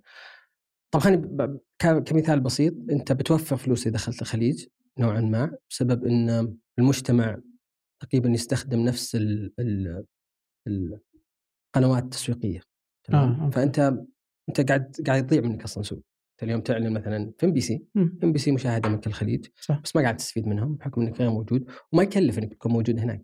بس تخيل إنك أكثر شيء يكلف التسويق. تمام؟ بيتطلب اسطول بيتطلب مدري إي آه. operation بس في النهاية أنت بت pay بال cost آه. إذا في طلبات صح. تدفع إذا ما في ما بتدفع ف سوق ودك تدخله وخايف منه ما في سوق مصر؟ خايف منه مصر سوق كبير بس صعب جدا آم، لو عندك فرصة إنك تدخل تدخل مصر ولا؟ طبعا مم. إي، بس يمكن العراق أهم العراق أهم؟ إيه. جيب في قوة شرائية وفي عدد سكاني ما في منافسة ومتعطش الخدمات طبعا في في مخاطرة بعد إنه الأوضاع هناك مش مستتبة. بس بس لأنك جريء تقدر ودك تسويها.